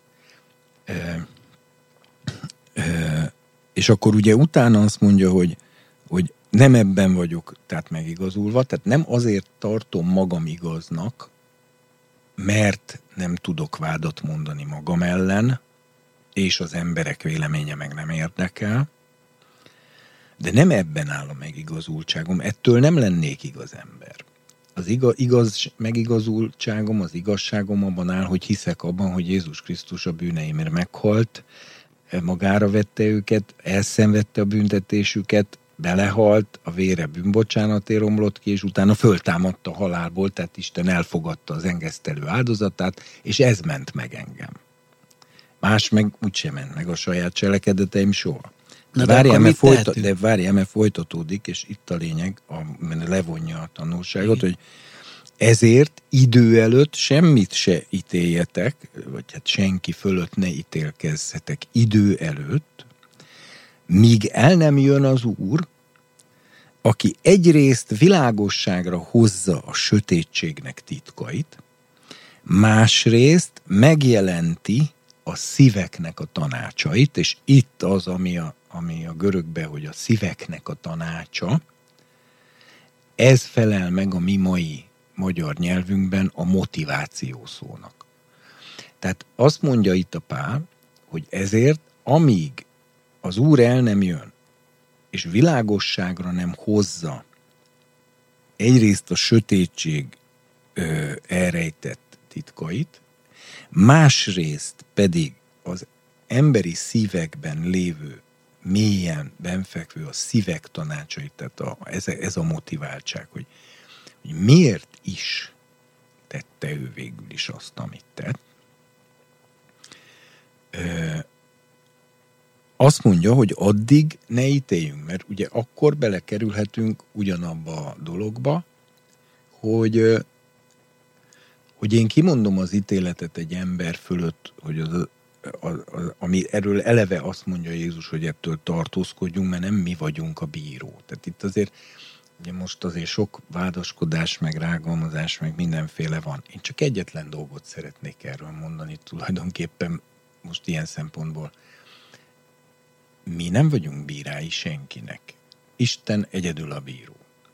Ha egy ember kimeri mondani egy másik emberről, hogy az rossz ember, gonosz ember, úgy minden izé súlyával együtt, az az ember a hatáskörét túlépte.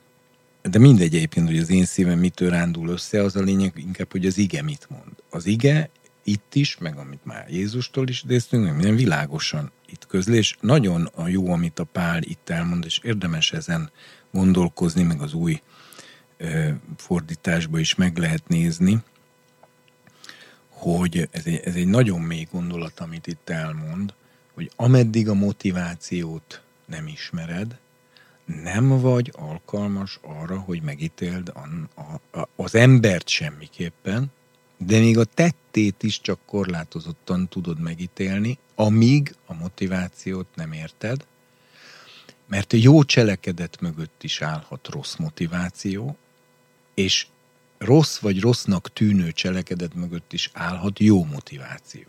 Na de így hogy Vannak meg az öncsalást? egyszerű dolgok is.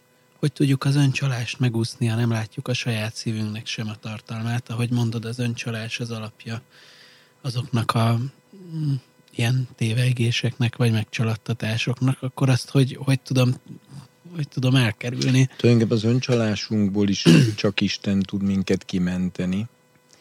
Ez Dávid egész konkrétan imádkozik is, hogy ments ki, Uram, engem minden álnokságomból. Tehát az embert a saját öncsalásától is Isten tudja megszabadítani. Ö, és a másik, amiért, amit mi tehetünk ezért, az ugye az, amit ugye Pál a Róma 2-ben mondja azt, hogy az emberek lelkiismerete és gondolataik kölcsönösen vádolják és mentegetik egymást. Tehát azt mindenki ismeri azt a folyamatot, hogy a lelkiismeretében, ami egy iszonyatosan, a leg, szintén a szív leges, legmélyebb pontján ról föl jövő intuíció, nem tudás a lelkiismeret, hanem az egy, ez egy intuitív működés, tehát egy, egy, egy ilyen biztos belső érzése annak, hogy valami nem stimmel itt ezzel a dologgal, amit csinálok, vagy mondok, vagy gondolok, vagy nem tudom micsoda.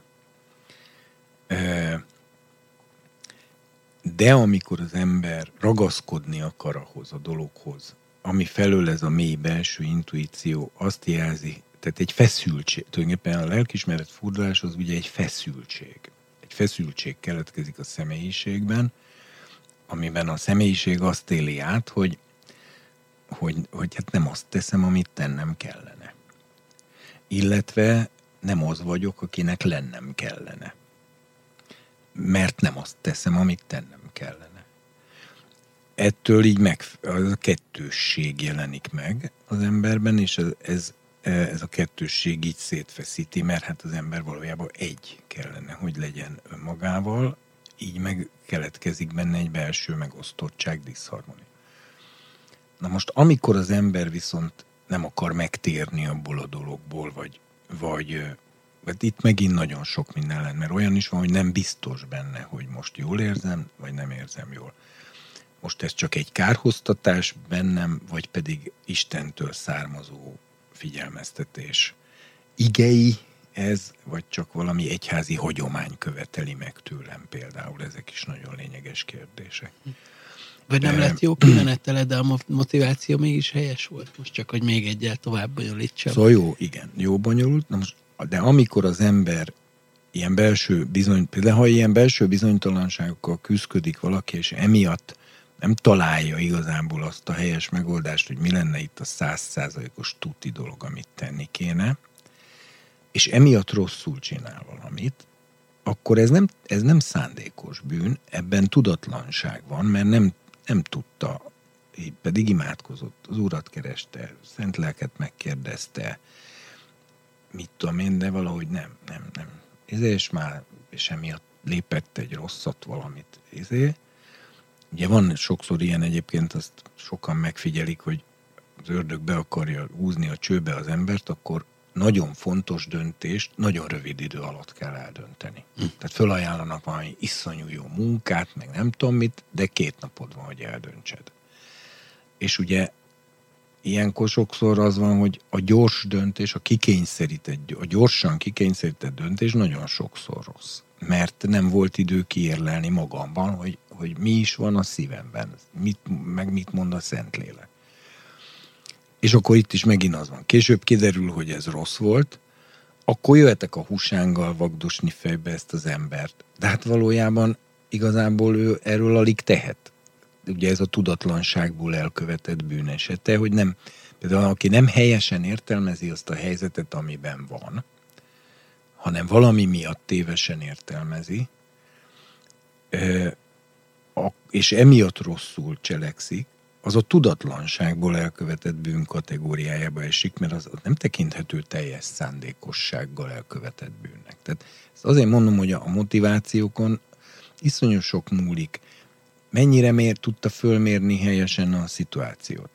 Vagy például ő benne lehet olyan például sérülés, amit nem ő okozott, hanem mások okozták, de, de amiatt van benne egy olyan fajta érzékenység, ami őt egy ilyen szorult helyzetben, és egyben egy nem teljesen átlátható és értelmezhető helyzetben, végül rossz döntésbe viszi. Ha aztán ez később kiderül, hogy ez rossz döntés volt, akkor jöhetek a húsánggal őt fejbe vágni, de valójában nincs igazam, mert az ő, az ő személyiségéből abban a helyzetben így, stb. nem tud jobb kijönni.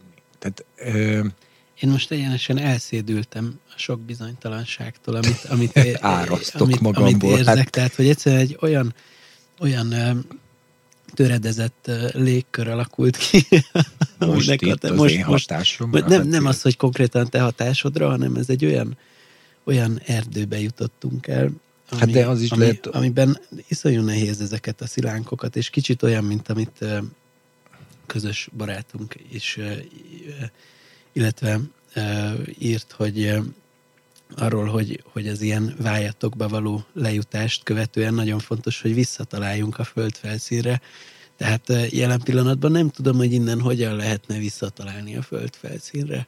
De miért hát nem egy bonyolult világban élünk, ahol rendkívül bonyolult helyzetek állnak elő, rendkívül bonyolultan ö, ö, és tényleg, szóval, hogy mondjam, gonosz korban élünk, és gonosz világban élünk, és a gonosz világ gondoskodik arról, hogy úgy szője össze a szálakat, hogy lehetőleg az ember nehezen tudja megállapítani a, azt, hogy egy adott helyzetben mi a...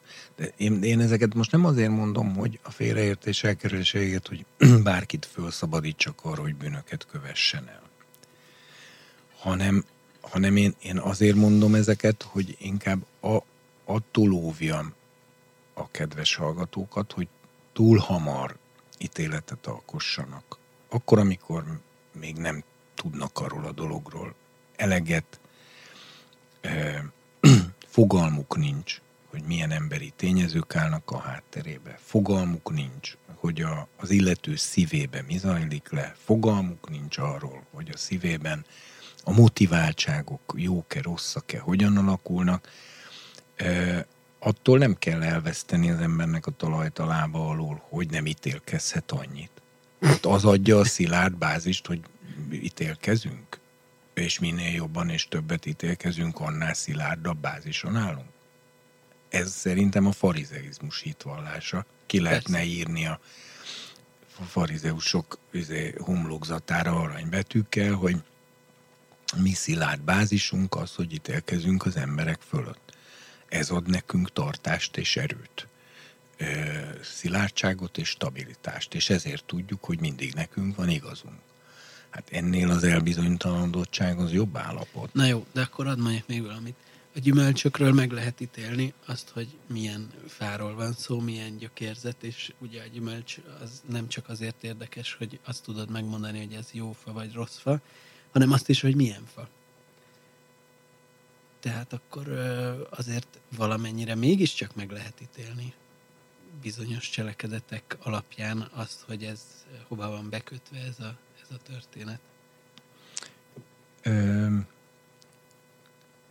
hát néha igen. És akkor is azért elég alapos kutatást kell végezni. Vannak emberek, akik most például gondoljunk a Szentlélek gyümölcseire szeretet, öröm, béke, stb.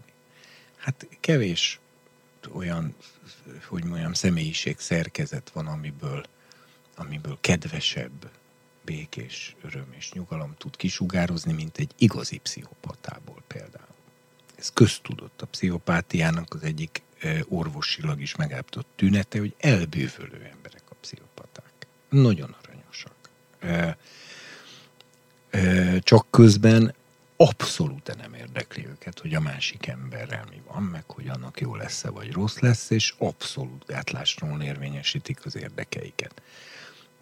Pedig ezek a Szentlélek gyümölcseire hasonlítanak. Tehát most én nem tudom, mit értesz te feltétlenül most gyümölcs alatt, mert ugye én a gyakorlatból indulok ki, és hát én már, én már annyi ilyen eseten vagyok túl a, az elmúlt 30 évben, hogy mindig csak ámulok, bámulok, hogy az éle olyan, olyan regényt vagy forgatókönyvet, amilyet az élet ír, nem képes egyetlen ember sem írni. Tehát az, ott egyszerűen olyan meglepő tekervények vannak, hogy álmában nem juthat eszébe embernek olyan tekervény.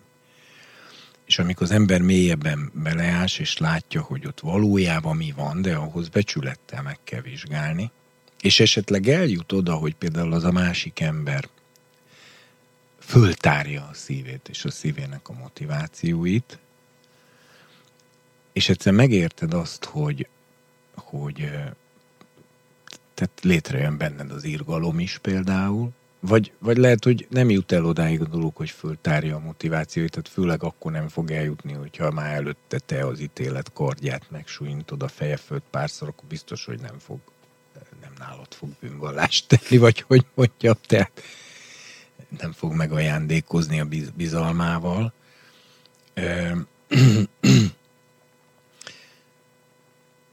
Meg, meg mondom, gyümölcs sokféle van, mert vannak a Szentlélek gyümölcsei, azok, azok nem csak tettek, hanem ugye ezek szellemek, szeretet, öröm, béke, türelem, ezek nem cselekedetek, hanem ezek ilyen kisugárzások, vagy szellemek, mondjuk így a Szent Szellemnek a, az arcai.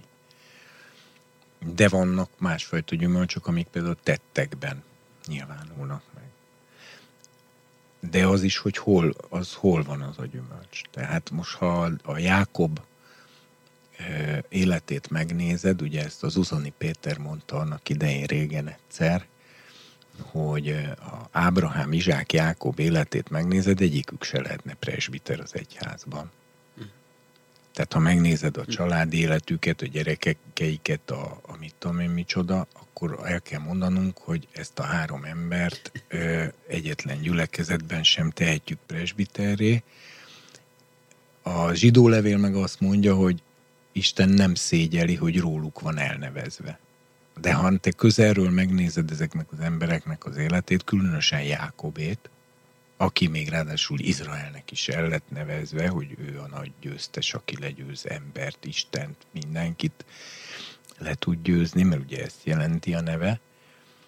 Na de hát a 12 gyerekek közül 10 az köztörvényes bűnöző és súlyos devianciában él.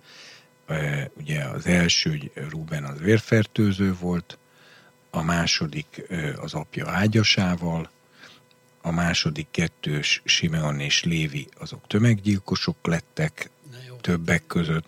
Hát mi? Hát kiirtottak egy egész város. Jó, de hát most ezt úgy is tudjuk. Akkor a, a Júda, jó, akkor nem sorolom tovább, látom, félted a család hírnevét.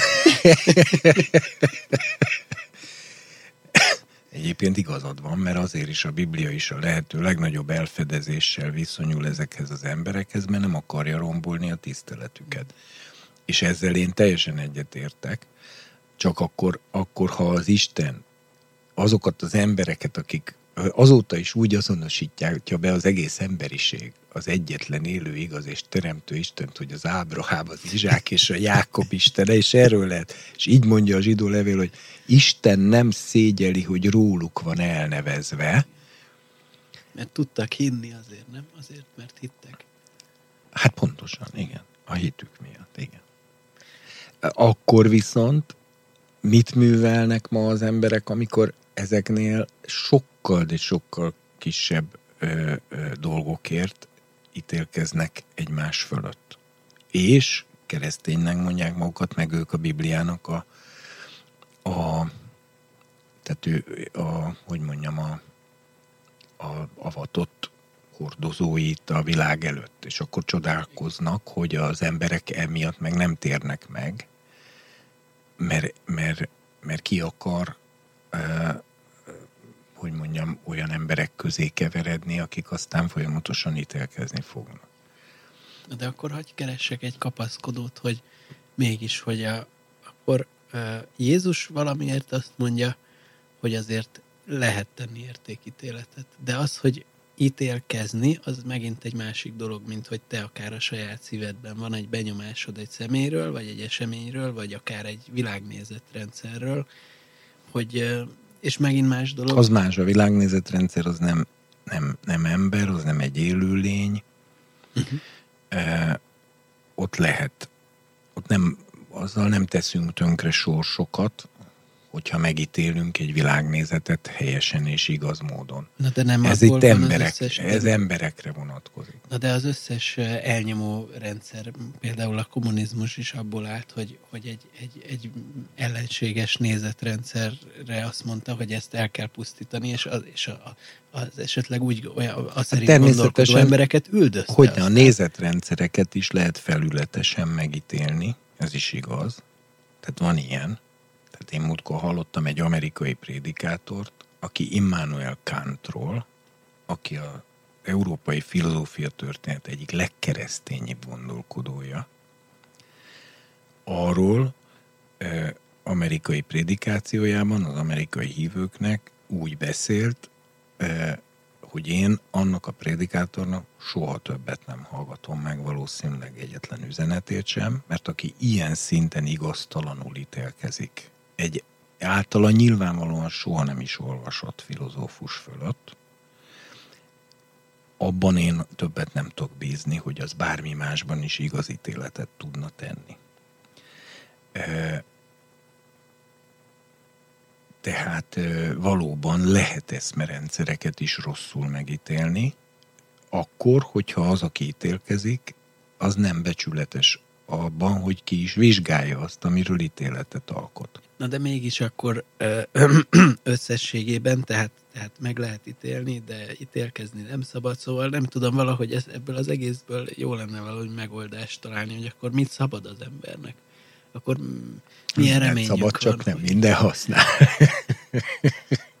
nem minden épít. Ugye háromszor használja a pál ezt a három mondatot kezd úgy, hogy mindent szabad és három kömző befejezése van. Az egyik az, hogy mindent szabad nekem, de nem minden használ. Másik verzió, minden szabad nekem, de nem minden épít. Negyedik, minden szabad nekem, de nem adatom valakinek a hatalma alá. Én csak azt mondtam, hogy az ítélet nehéz fegyver, ha jól használják, hatalmas áldás, ha rosszul használják, hatalmas károkozás. Gyerek kezébe páncéltörő gránát kilövő izét nem szoktunk adni, amikor az M3-as mellett sétálgatunk. Gyakorta, hétvégén. Hogy ki, kilője a kocsikat, tehát e, e, tehát óvatosan, vagy ahogy más szokták mondani, lassan a testtel, mert, ha, mert akkor tessék elolvasni az írá, bíráskodásra vonatkozó igéket, mert ugye a bírók dolga, hogy ítéleteket hozzanak, és nekik ez dolguk is. És az egyházban is van ilyen. És Jézus meginti a farizeusokat, hogy elhagyjátok az igazságos ítéletet. Tehát aki vezető például, az bizonyos helyzetekben nem úszhatja meg, hogy ne hozzon igazságos ítéletet. De én, akiket normális vezetőket ismerek, nem szeretik ezt csinálni. Aki ezt élvezi, ott valami hiba van a készülékbe. Itt megjegyzem az atya, ugye érdekes a Szent Háromságe tekintetbe, mert Jézus azt mondja, hogy az atya nem ítélkezik senki fölött, hanem az ítéletet egészen átadta a fiúnak, hogy ő ítélkezzen, mert hogy ő ember. ebből az következik, hogy az atya lehárította a bírói ö, pozíciót, akkor ezek szerint ő valószínűleg nem ebben eli a boldogságát. Na, akkor Jézus megkapta a bírói pozíciót, az ítélethozatalt, igen, nem, de ő meg később azt mondja, megint egy helyen a János evangéliumban, hogy, hogy én nem ítélek el senkit, mert én nem azért jöttem, hogy elítéljem ezt a világot, hanem azért, hogy megmentsem ezt a világot. Van, aki elítéli azt, aki nem hallgat a szavaimra. Azok a szavak, amiket mondtam, azok fogják elítélni az utolsó napon. Tehát nem Jézus, hanem a Jézus által elmondott szavakkal e, szembesül az, aki ismerte ezeket a szavakat, de nem a szerint cselekedett. Nincs szükség. Akkor már az atya is kilépett az ítélkezésből, meg tulajdonképpen a fiú is kilépett az ítélkezésből. Hát most nem tudom, a Szent Léleknek végig lehetne gondolni, hogy akkor ő esetleg átvette harmadikként, hogy hát akkor majd megcsinálom én.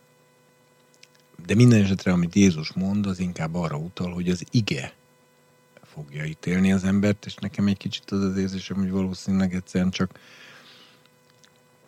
szembenézünk az igével, és utána talán lehet, hogy mi magunk fogjuk kimondani, hogy na, ezt is rosszul csináltam, na, azt is rosszul csináltam, na, ezt jól csináltam, stb. Nem tudom. Minden esetre, ha az atya ezt így elhárítja, tulajdonképpen a fiú is elhárítja. Az atya azzal hárítja el, hogy hát én nem vagyok ember, nem tudom az embereket megítélni. Te fiam, ember vagy, ítélkezz fölöttük te. Erre a fiú meg azt mondja, én nem ítélkezek senki fölött, mert én nem azért jöttem, hogy ítélkezzek, hanem hogy megmentsem őket. Majd a elmondott beszédeim ítélkeznek föltük. Tehát itt látszik, hogy a, a, a Szent Háromságból legalábbis az első két személy, hát ítélkezik, ha szükséges, de semmiképpen nem ebben leli az identitását, vagy a, a boldogságát, vagy az élvezetét.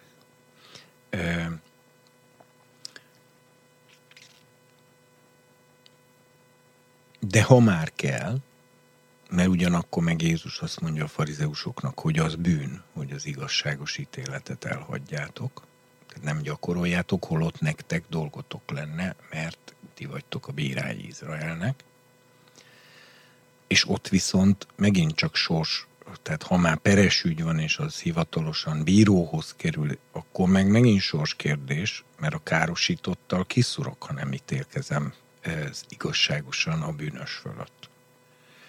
De ez a bírói pozíció, tehát ez, anna, ez annak a dolga, aki, akinek hivatása vagy a világban, vagy az egyházban bíróként funkcionálni. Akit erre nem küldenek ki, ugye maga Jézus is egy helyen, amikor kiabáltak neki, hogy Ester, mondd meg a bátyámnak, hogy ossza meg velem az örökséget. És Jézus azt mondja, emberet, kitett engem köztetek bíróvá vagy osztóvá. Igen, még ő se ítélkezett, pedig ő tényleg, hát Isten. És, ut- és utána még, még, még tulajdonképpen még ki is szúr egy kicsit ezzel a, ezzel a bekiabálóval, mert azt mondja neki, hogy inkább távolítsd el a telhetetlenséget. Pedig hát úgy tűnik, hogy ez egy károsult volt, akivel a bátyja nem osztotta meg az örökséget. És Jézus azt mondja, hogy ne haragudjatok engem az ilyesmivel, hagyjatok békén, és a legjobb, hogyha inkább a telhetetlenséget eltávolítjátok az életetekben. Na jó, de akkor a jobb történetére visszatérve, végső soron, bár a, annak ellenére, hogy az univerzum ügyészének feladatait látta el, Már még a, a, a vádló sem, a, igen, mert, mert a vádló sem, tehát hogy, hogy ő mégsem tudott belelátni az emberek szívébe, és mai napig nem tud, hogy mi azoknak a motivációja, hanem ez egy valamiféle jogi feladatkör, akkor ő ártatlanul érvényesíthette a saját hatalmát jóban, és akkor végül is mindebből most mi a tanulsága témánkra nézve? Ha összegezni kell. Ö, hát, ha összegezni kell, akkor lényegében az a az egésznek a tanulsága, hogy ugye azért vettük most elő a jobb történetét, mert a történelemben, üt történetben az édenkerti ügy után ez a következő olyan igehely időrendben, ahol a sátán nagyon nyilvánvalóan megmutatja, hogy, hogy ő hogy is működik. És ahogy elemeztük részletesen az édenkerti bűnbeesés történetét, ezt meg azért elemeztük részletesen, mert itt is az ő arculata mutatkozik meg, de más tanulságokkal. És azért mondtam, hogy ha az ember így végigveszi bármilyen téma mentén a Szentírást, akkor minden előfordulásnál újabb és újabb adalékokat kap.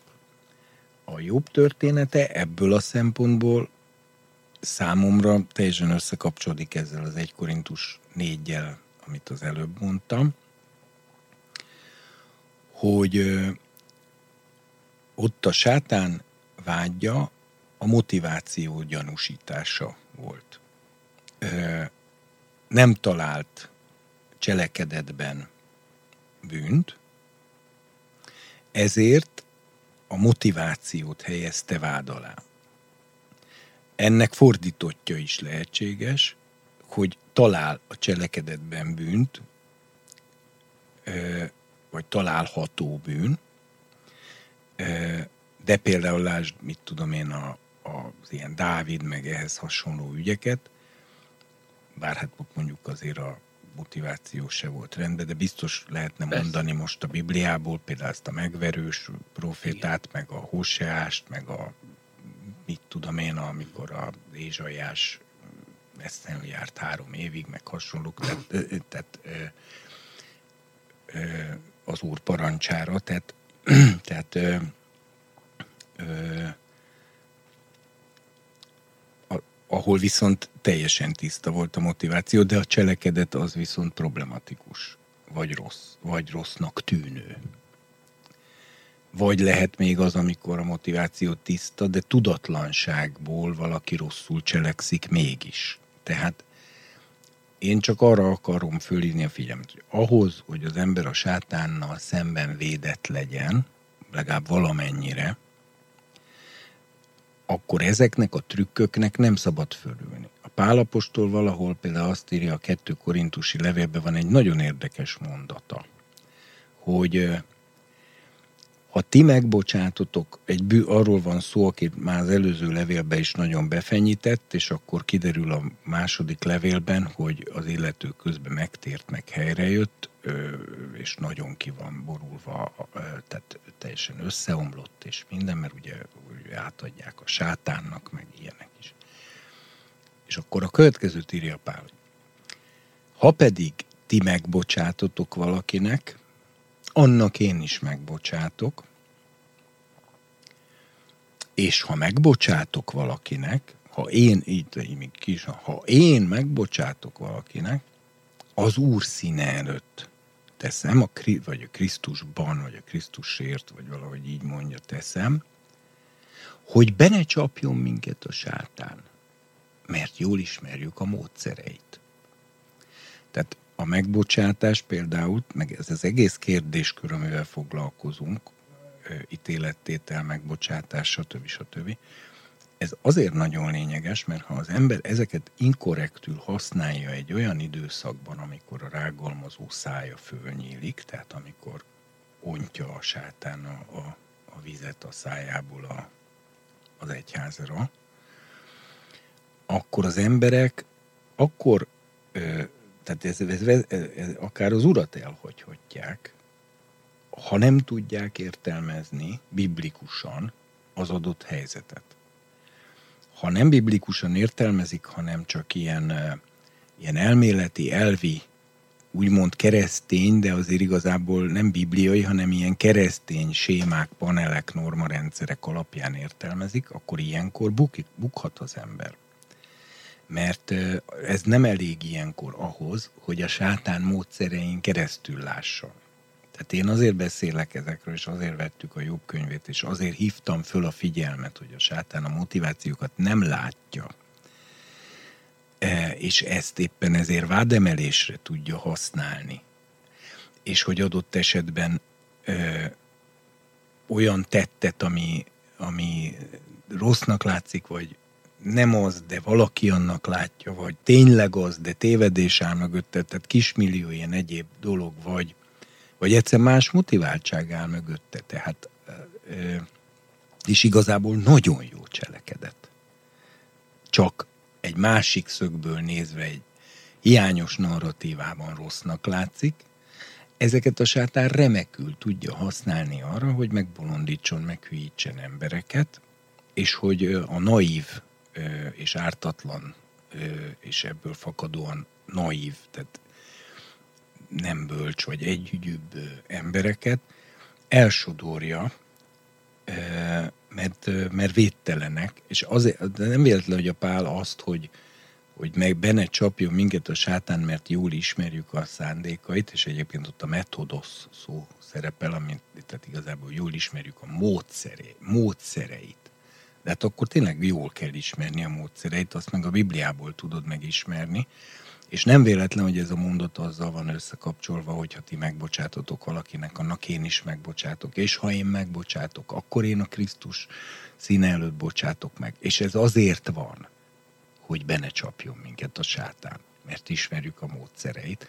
Mert a módszerének a lényege az a vádlásnak, a rágalmazásnak olyan fajta eh, sok ezer éves, hihetetlen intelligens és sok ezer éves tapasztalattal dolgozó csűrés csavarása, hogy amikor ő ezt elkezdi csinálni, nagyon sokan nagyon védtelenekké tudnak válni. Tehát én tulajdonképpen ezekről azért beszélek, mert meg még ha nem is szakad el valaki az úrtól azért, mert beeszik egy ilyen szöveget, de érted, napjai, hetei mehetnek el depressziósan, gyötrődve, küzdködve.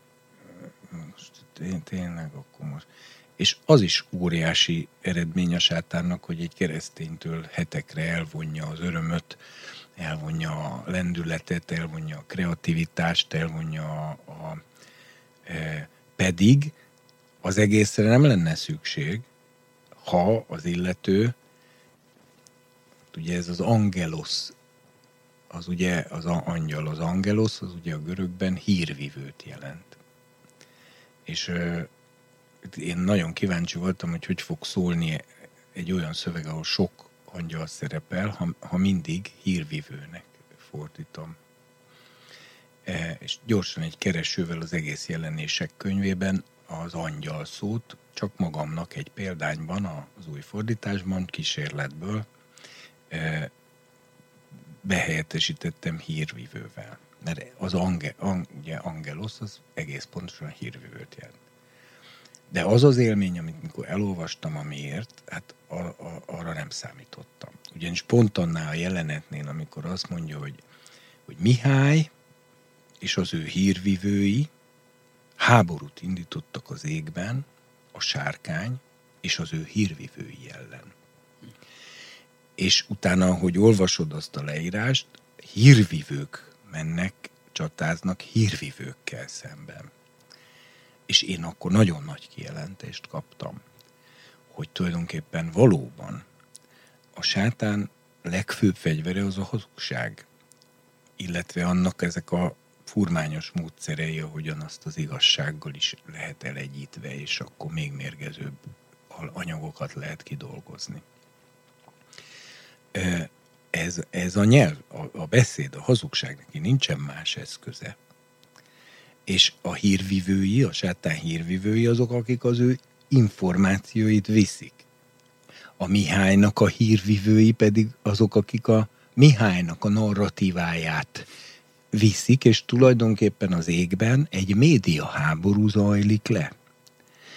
Akkor zuhan le a sátán a földre, a, a, a, a hírvivőivel együtt lökik le Mihály és az ő hírvivői, ez hírháború, ilyen értelme, ledobják a földre, és onnantól haladéktalanul megvalósul az antikrisztusi birodalom, ami a hazugság összes csodájával, jeleivel és hitetésével árasztja el a földet. Tehát ez ez mind kommunikáció, ez kommunikációs háború. én azért azt gondolom, hogy ami most történik a járványjal együtt, meg ez az egész destabilizálódás a, a, az élet alapvető keretei, amik között éltünk, ezek repednek szét. Ez nem biztos, hogy káros egyébként, mert a sok esetben jobb formákat tudunk találni a régi eltört formák helyére, de azért az mindig mély megrázkodtatással jár az emberiség közös vagy egyéni sorsában, amikor az élet alapvető keretei repednek szét. Most ezt látjuk.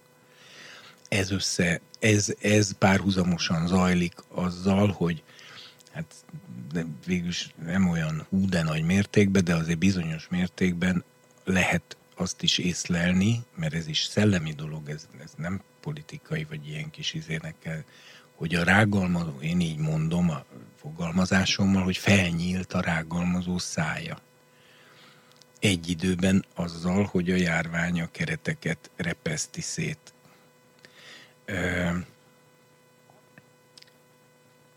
Ezt arra mondott, hogy nagyon szélsőségessé váltak a világértelmezések, és ennél fogva nagyon kevés olyan hírközléssel találkozol, ami viszonylag kiegyensúlyozott. Hát most én a világi hírközlésbe bele sem mentem. Tehát az, hogy, a, az, hogy ez a, az egész hírvivő, hírvivő ellen izé, ez aztán a Facebook, meg a közösségi oldalak, meg az ilyenek segítségével aztán milyen még nagyobb kavart tud csinálni, az, az, az már egyenesen ijesztő. Tehát azért minden, aztán olyan álhírek, meg ellenőrizetlen információk, mit tudom én, mik keringenek. Tehát amikor, mit tudom én, a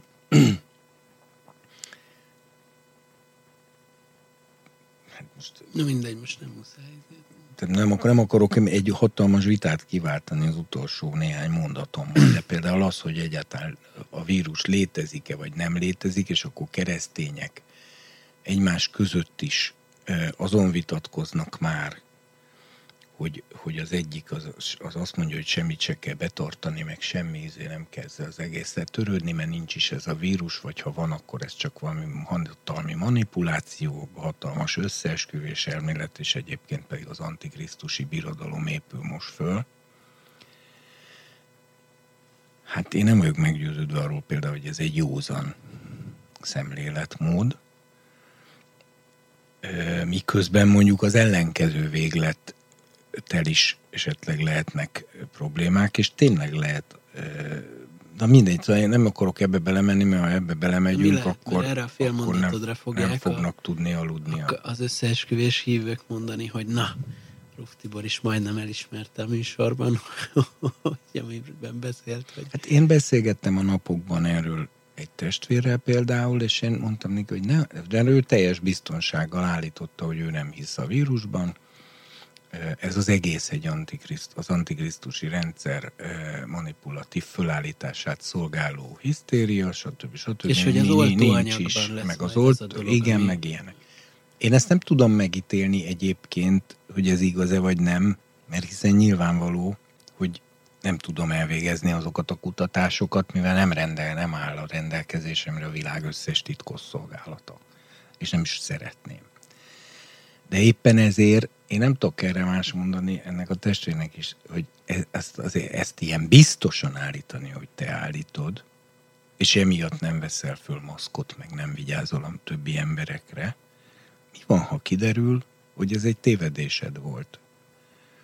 Amit a te hírcsatornáidból, meg a te Facebook csoportod, meg a te ismerőseid, meg a te izédből, a média buborékodból magadba szívtál, és te ezt már biztos igazságként képviseled, ennek megfelelően is cselekszel, és ha esetleg kiderül, hogy a vírus mégis létezik, e, számodra is, vagy hogy mondjam, kiderül, akkor, de közben esetleg meghal miattad valaki, akkor hogy fogsz elszámolni a lelkiismereteddel? Tehát én azon azért meg vagyok rökönyödve, hogy, hogy érett, idős, újjászületett Szentlélekkel betöltött keresztények például ilyen irányokba el tudnak menni, és akkor ö, ö, mert én azt mondom, hogy én, én nem tudom ezt megítélni. Lehet, hogy ez van, lehet, hogy az van. Nem itt tudom én, hogy mi van. Hát én, én nekem nem áll rendelkezésemre az, hogy én ezt föltérképezzem, meg, meg mondom, hát az a, a világ összes titkos szolgáltának a főnöke kellene, hogy legyek egy személybe, de az tényleg az antikrisztus Igen, lesz, segít, tehát erre nem vágyom. De segít a helyzetet értelmezni és megélni azt, hogy így, lát, így látom. Szerintem ez számomra a fő kérdés. Hogy? Hogy, hogy látod? Hát, hogyha úgy látom, hogy történetesen elhiszem, hogy ezek összeesküvések, meg nem tudom, mindig az összes összeesküvéssel kapcsolatban nekem ez saját magam számára az, hogy, hogy most, most amikor el kell döntenem, hogy ennek hiszek-e vagy sem, hogy segít nekem értelmezni azt a jelen helyzetet, vagy pedig ne, nem segít, és mm, megélnem. Hát én ezt is elég szubjektívnek tartom, amit most mondasz, mert, mert az, hogy nekem segít értelmezni a helyzetet, az meg megint nem jelenti azt, hogy az igaz. Persze, hogy nem, csak azt mondom, hogy ilyen helyzet. Na de miért nem lehet békével tudomásul venni azt, hogy az ember szinte semmit se tud? Igen, hát Tehát én ezt nem értem. Jó. Miért kell annyira tudni minden? Miért nem elegendő az embernek Ö, ö, például néhány ilyen dolgot tudni, hogy például a Bibliát minél jobban megismerni? Uh-huh. Ö, vagy, ö, vagy mit tudom én. Vagy ha már tényleg azt mondja, hogy na, nekem ezt tudnom kell, mert nekem ez nélkülözhetetlen fontos, hogy én ezt tudjam, ezt a dolgot, hát akkor viszont utána járok, és kivizsgálom. De azt, hogy nem járok utána, nem vizsgálom ki, hallgatom ezeket a száldosó angeloszok, hírvivőknek a, az összes ö, dumáját, édest, nem édest, mindent, meg, és nem tudom megkülönböztetni, melyik a jó angelosz, meg melyik a rossz, tehát a hírvivő, tehát most direkt egy ilyen és akkor közben azt képzelem magamról, mikor ezeket meghallgattam, meg minden, hogy akkor én ezt értem, tudom. Hát e, ez már, ez tényleg az öncsalásnak a legmagasabb szintje. Tehát itt, mert, itt a, mert, a, mert ha nem vagy öncsalásba, akkor tulajdonképpen azt kell mondanod, hogy igazából nem tudok semmit. A pálapostól azt mondja, hogy aki azt hiszi, hogy tud valamit, az még semmit sem tud úgy, ahogy tudni kell. Hanem ha valaki szereti az Istent, arról tud az Isten. Így hangzik a mondat, fantasztikus mondat. Aki azt hiszi, hogy tud valamit, az még semmit sem tud úgy, ahogy tudni kellene, vagy kell, hanem ha valaki szereti Istent, arról tud az Isten. De az se, arról se én tudok, hanem akkor legalább az Isten tud rólam. Az már szép dolog. A biztonság, az biztonság máshol azt mondja, hogy, hogy, hogy de, de mindegy, ezt több, több helyen is mondja. Tehát én, én azt nem értem, hogy, hogy ahhoz, hogy az ember biztonságban érezze magát, ahhoz, azon mindent tudni kell. Tehát tudásban van a biztonság. Hogyha én el tudom dönteni, hogy a, hogy a ö, ö, na, hogy hívják már, Bill Gates ö, ö, fejlesztette ki a koronavírus, terjesztette el, és mindezt azért, hogy ő lehessen az antikrisztus, ö, akkor ö, tehát most komolyan gondolja valaki, hogy ő azt állítja, hogy ő ezt biztosan tudja? Érted? Persze. De hát ilyen, ilyen, ilyen. Sőt, hát valahogy a jobb történetből pont az derül ki, hogy hogy Isten, minthogyha azokra az emberekre tudna most idézőjelbe támaszkodni, akik ezzel a nem tudásukkal tisztában vannak, mert ha úgy értelmezed a történetet, hogy Jobb is akár minden egyes olyan emberhez, aki, aki valamilyen módon igaztalanul van vádolva, Szóval úgymond tanulja ennek a fajta pernek, ami azt bizonyítja, hogy a sátán mégiscsak gonosz, és Isten mégiscsak jó, akkor és Isten úgy meri átengedni ezt az embert a megpróbáltatásnak, hogy, hogy nem is közli vele, hogy megpróbáltatásba fog esni. Tehát annyira megbízik benne, hogy számít arra, hogy így is az ő igazát fogja bizonyítani, mert, mert jó szíve van, és ilyet, ilyen fontos ügyben... Hát mint... ez nem bizalom Isten részéről, az ő részéről ez biztos tudás. Biztos tudás, de valami nagyon mély de mégiscsak... Mert ő teljes mélységében látja a szívünket. Igen. Senki más nem látja teljes mélységében. De mégiscsak azt akarom mondani, hogy végül is ilyen szempontból a legnagyobb megtiszteltetés, megpróbáltatásba esni, mert Isten a teljes univerzum sorsát helyez ilyenkor egy ember szívére. Hát hogy csak melyik emberi szív bírja elviselni na, na persze. univerzum sorsát. Most kifejezetten jobbról beszélek. Tehát, tehát hogy Szerintem ez, ez, ez, ez, ez olyan, mint a, amikor a kötéltáncosok, tudod, elugranak a hintáról, és biztosak lehetnek abban, hogy meg fogja fogni a kezét, és az élete múlik ezen. Ha jobb elbukott volna ebben a megpróbáltatásban, akkor, akkor, akkor az angyalok mit gondoltak volna? Hát, akkor megbukott volna a világ mindenség is, mert akkor az derült volna ki, hogy Isten mégse ismerte jól Jóbot. Na ez az. De hát ez gyönyörű szép. De hát ő meg jól ismerte. Azért, mert ilyeneket mondani, hogy tökéletes, bűngyűlölő, félő.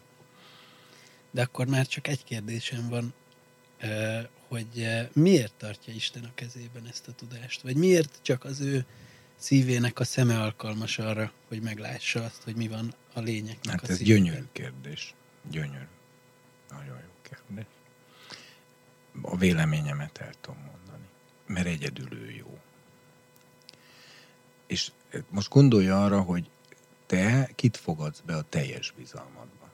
Tehát most arra értem, hogy mondjuk kielőtt tárnád föl minden titkodat. Nem csak bűnökről van szó, hanem mindenféle kis izé, nem bűn, de azért olyan ciki, meg tehát ha megnézed azt, hogy egy embert megajándékozol, van, akit a bizalmadnak csak 10%-ával, mert a többi 90-ről úgy érzed, ezt erre az emberre azért nem bízom rá. Nem tudhatom, hogy mi lesz akkor. Mondjuk egy ilyen hivatali, távoli viszonyban. Akkor már mondjuk a, a közelebbi ismerősödnél fölmegy 50-60 százalékra, akkor még már a barátaidnál fölmegy 70-80 százalékra, és akkor mondjuk, ha majd lesz házastársad, vagy ilyesmi, akkor fölmegy 90 százalékra is akár.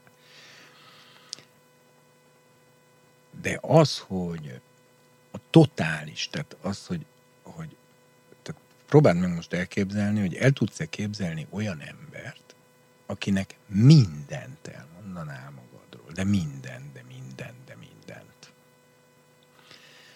És akkor, ha, ha, ha dilemmába ütközöl, hogy most akkor van ilyen ember, legalább egy-kettő, vagy egy sincs, vagy hogy lehet ezt megoldani, akkor ugye figyeld meg magadban, hogy mi, mi az, ami, ami aggaszt. Az aggaszt, hogy hát mi van akkor, ha bármilyen, akár csak tényleg véletlen hiba folytán, vagy ö, vagy ne talántán esetleg rossz szándék, ból is, vagy ki tudja még ez az ember majd, hogy fog változni az élete során, meg minden, hát azért nem, nem bízok én mindent őre.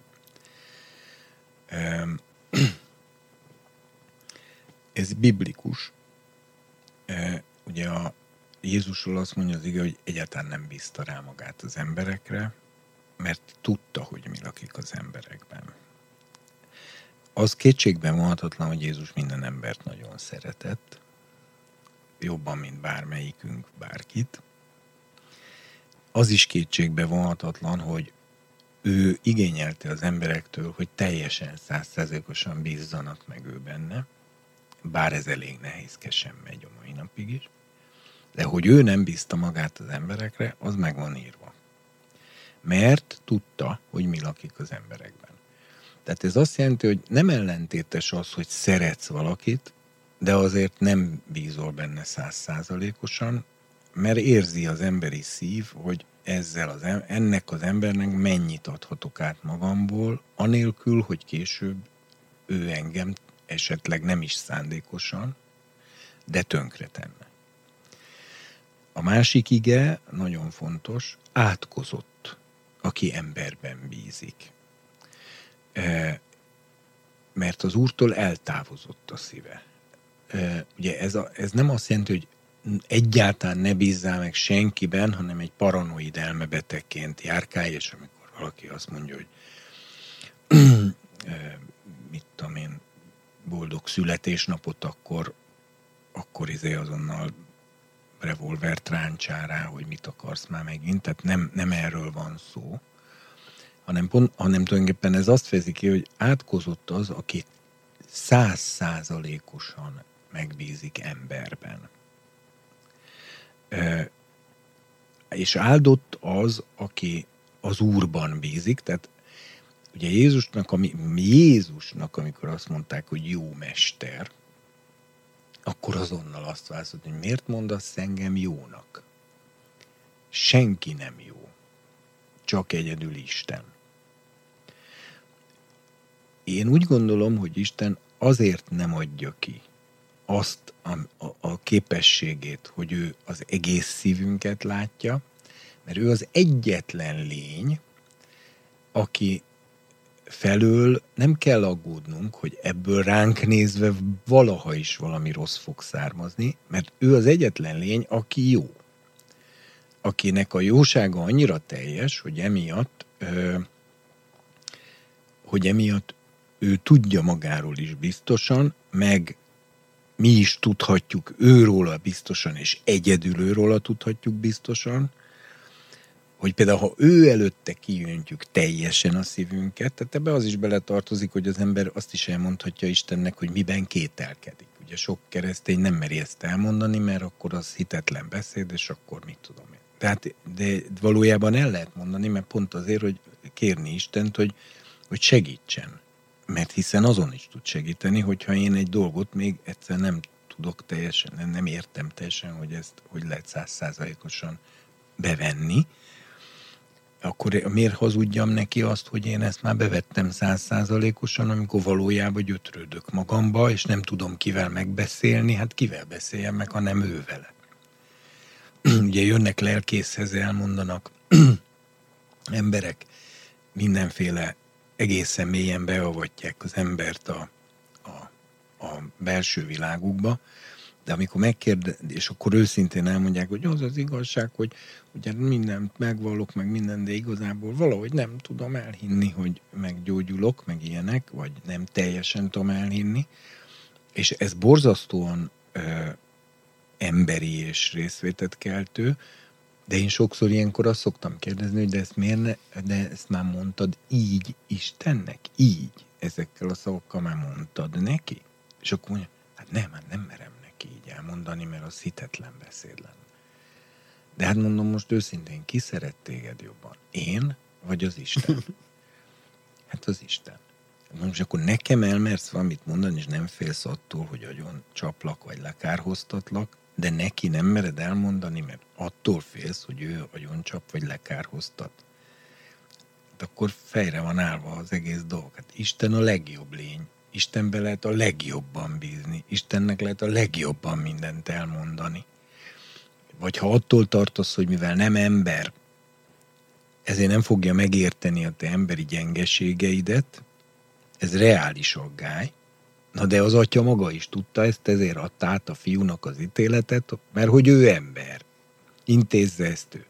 Hát akkor lehet Jézushoz fordulni, aki az Isten második személyisége, és ő nála már azt sem mondhatott, hogy nem ember.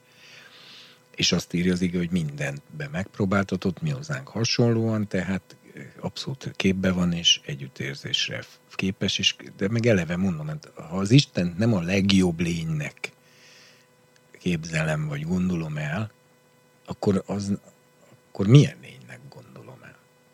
Egy kegyetlen szörnyetegnek, vagy egy minek? Hát abban meg én miért higgyek, miért fogadjak én el Istenemnek egy kegyetlen szörnyeteget? Az egy idegen Isten, a szónak abban az értelmében, hogy a szívemtől is idegen. És az fontos, a szívemtől idegen Isten sem szabad elfogadni.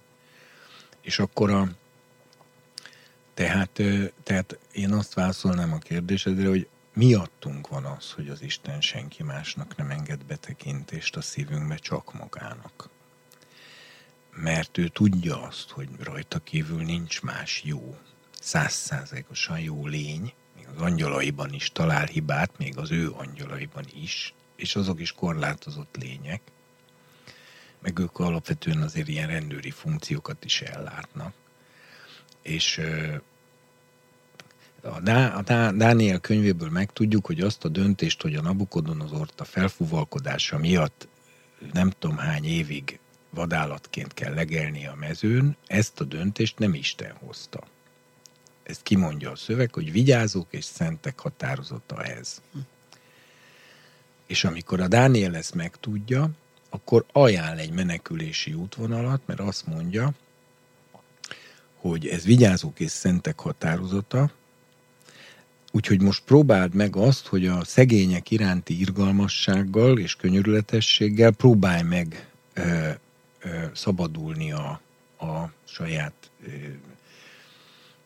jellemtelensége, vagy hogy mondjam, a hibáittól, és akkor talán megúszod a dolgot. Most ugye, ha ez Isten döntése lett volna, közvetlenül, akkor nem, nincs ilyen esély. De mivel angyalok döntötték, ezért tulajdonképpen a Dániel tanácsában az volt benne, hogy ha rá tudod az urat venni, akkor fölül tudja bírálni az angyali döntéseket. De arra egy esélyed van. Legyen nagyon irgalmas a szegényekkel. E, mert ugye ő is tudta, amilyen mértékkel mérsz, olyannal mérnek. Sajnos a Nabukodonzor nem fogadta meg ezt a tanácsot rendesen, és emiatt az első rossz mondatnál lecsaptak az angyalok, és ment a mezőre legelni. E, tehát azért mondom, hogy még az angyaloknak is azért nem engedi meg, mert az angyal sem feltétlenül irgalommal bán. Még a jó angyal sem feltétlenül irgalmasan bánik az emberrel, mert az angyalok azok kicsit mondom ilyen rendőrszerű lények is, most jó értelembe véve. Úgyhogy ö, én ezt látom a kérdésed. Uh, és én, én engem boldoggá tesz. Egy, én nagyon-nagyon. Igen, én boldog vagyok, hogy az Isten az egész lényemet átlátja, és boldog vagyok, hogy csak ő látja át. Hogy a, hogy a jobb kérdésre is úgymond pont kerüljön, legalábbis a mostani adás végére, akkor tulajdonképpen egy kérdés még megválaszolatlan, de ezt direkt irányítottan fogom feltenni, és remélem, hogy helyben Röviden fogod az. hagyni, hogy, hogy végül is azért reagál Isten úgymond erőből, amikor megjelenik jobbnak, bár önmagában az, hogy megjelenik, az szerintem rendkívül vigasztaló lehet, mert ez azt jelenti, hogy végig melletted voltam. De ezen túl azért nem árul el túl sokat a motivációiról ez ügyben, mert még nem jött el az az történeti korszak, amikor ki van ez nyilatkoztatva, hanem csak pusztán a megjelenésével biztosítja jobbot arról, hogy kézben tartotta és kézben tartja a dolgokat, és ez a bizonyos Krisztus titka, ez a titok kell, hogy maradjon ahhoz, hogy sikerüljön. Ö, szerintem igen. Elég rövid volt? Igen, igen, azt hiszem ez volt ma a legrövidebb válaszod. Nagyon köszönöm, Tibor. Szerintem mindannyiunk nevében ezt a beszélgetést, és köszönjük a hallgatóknak is, és a munkatársaknak is. Sziasztok. Én is nagyon köszönöm.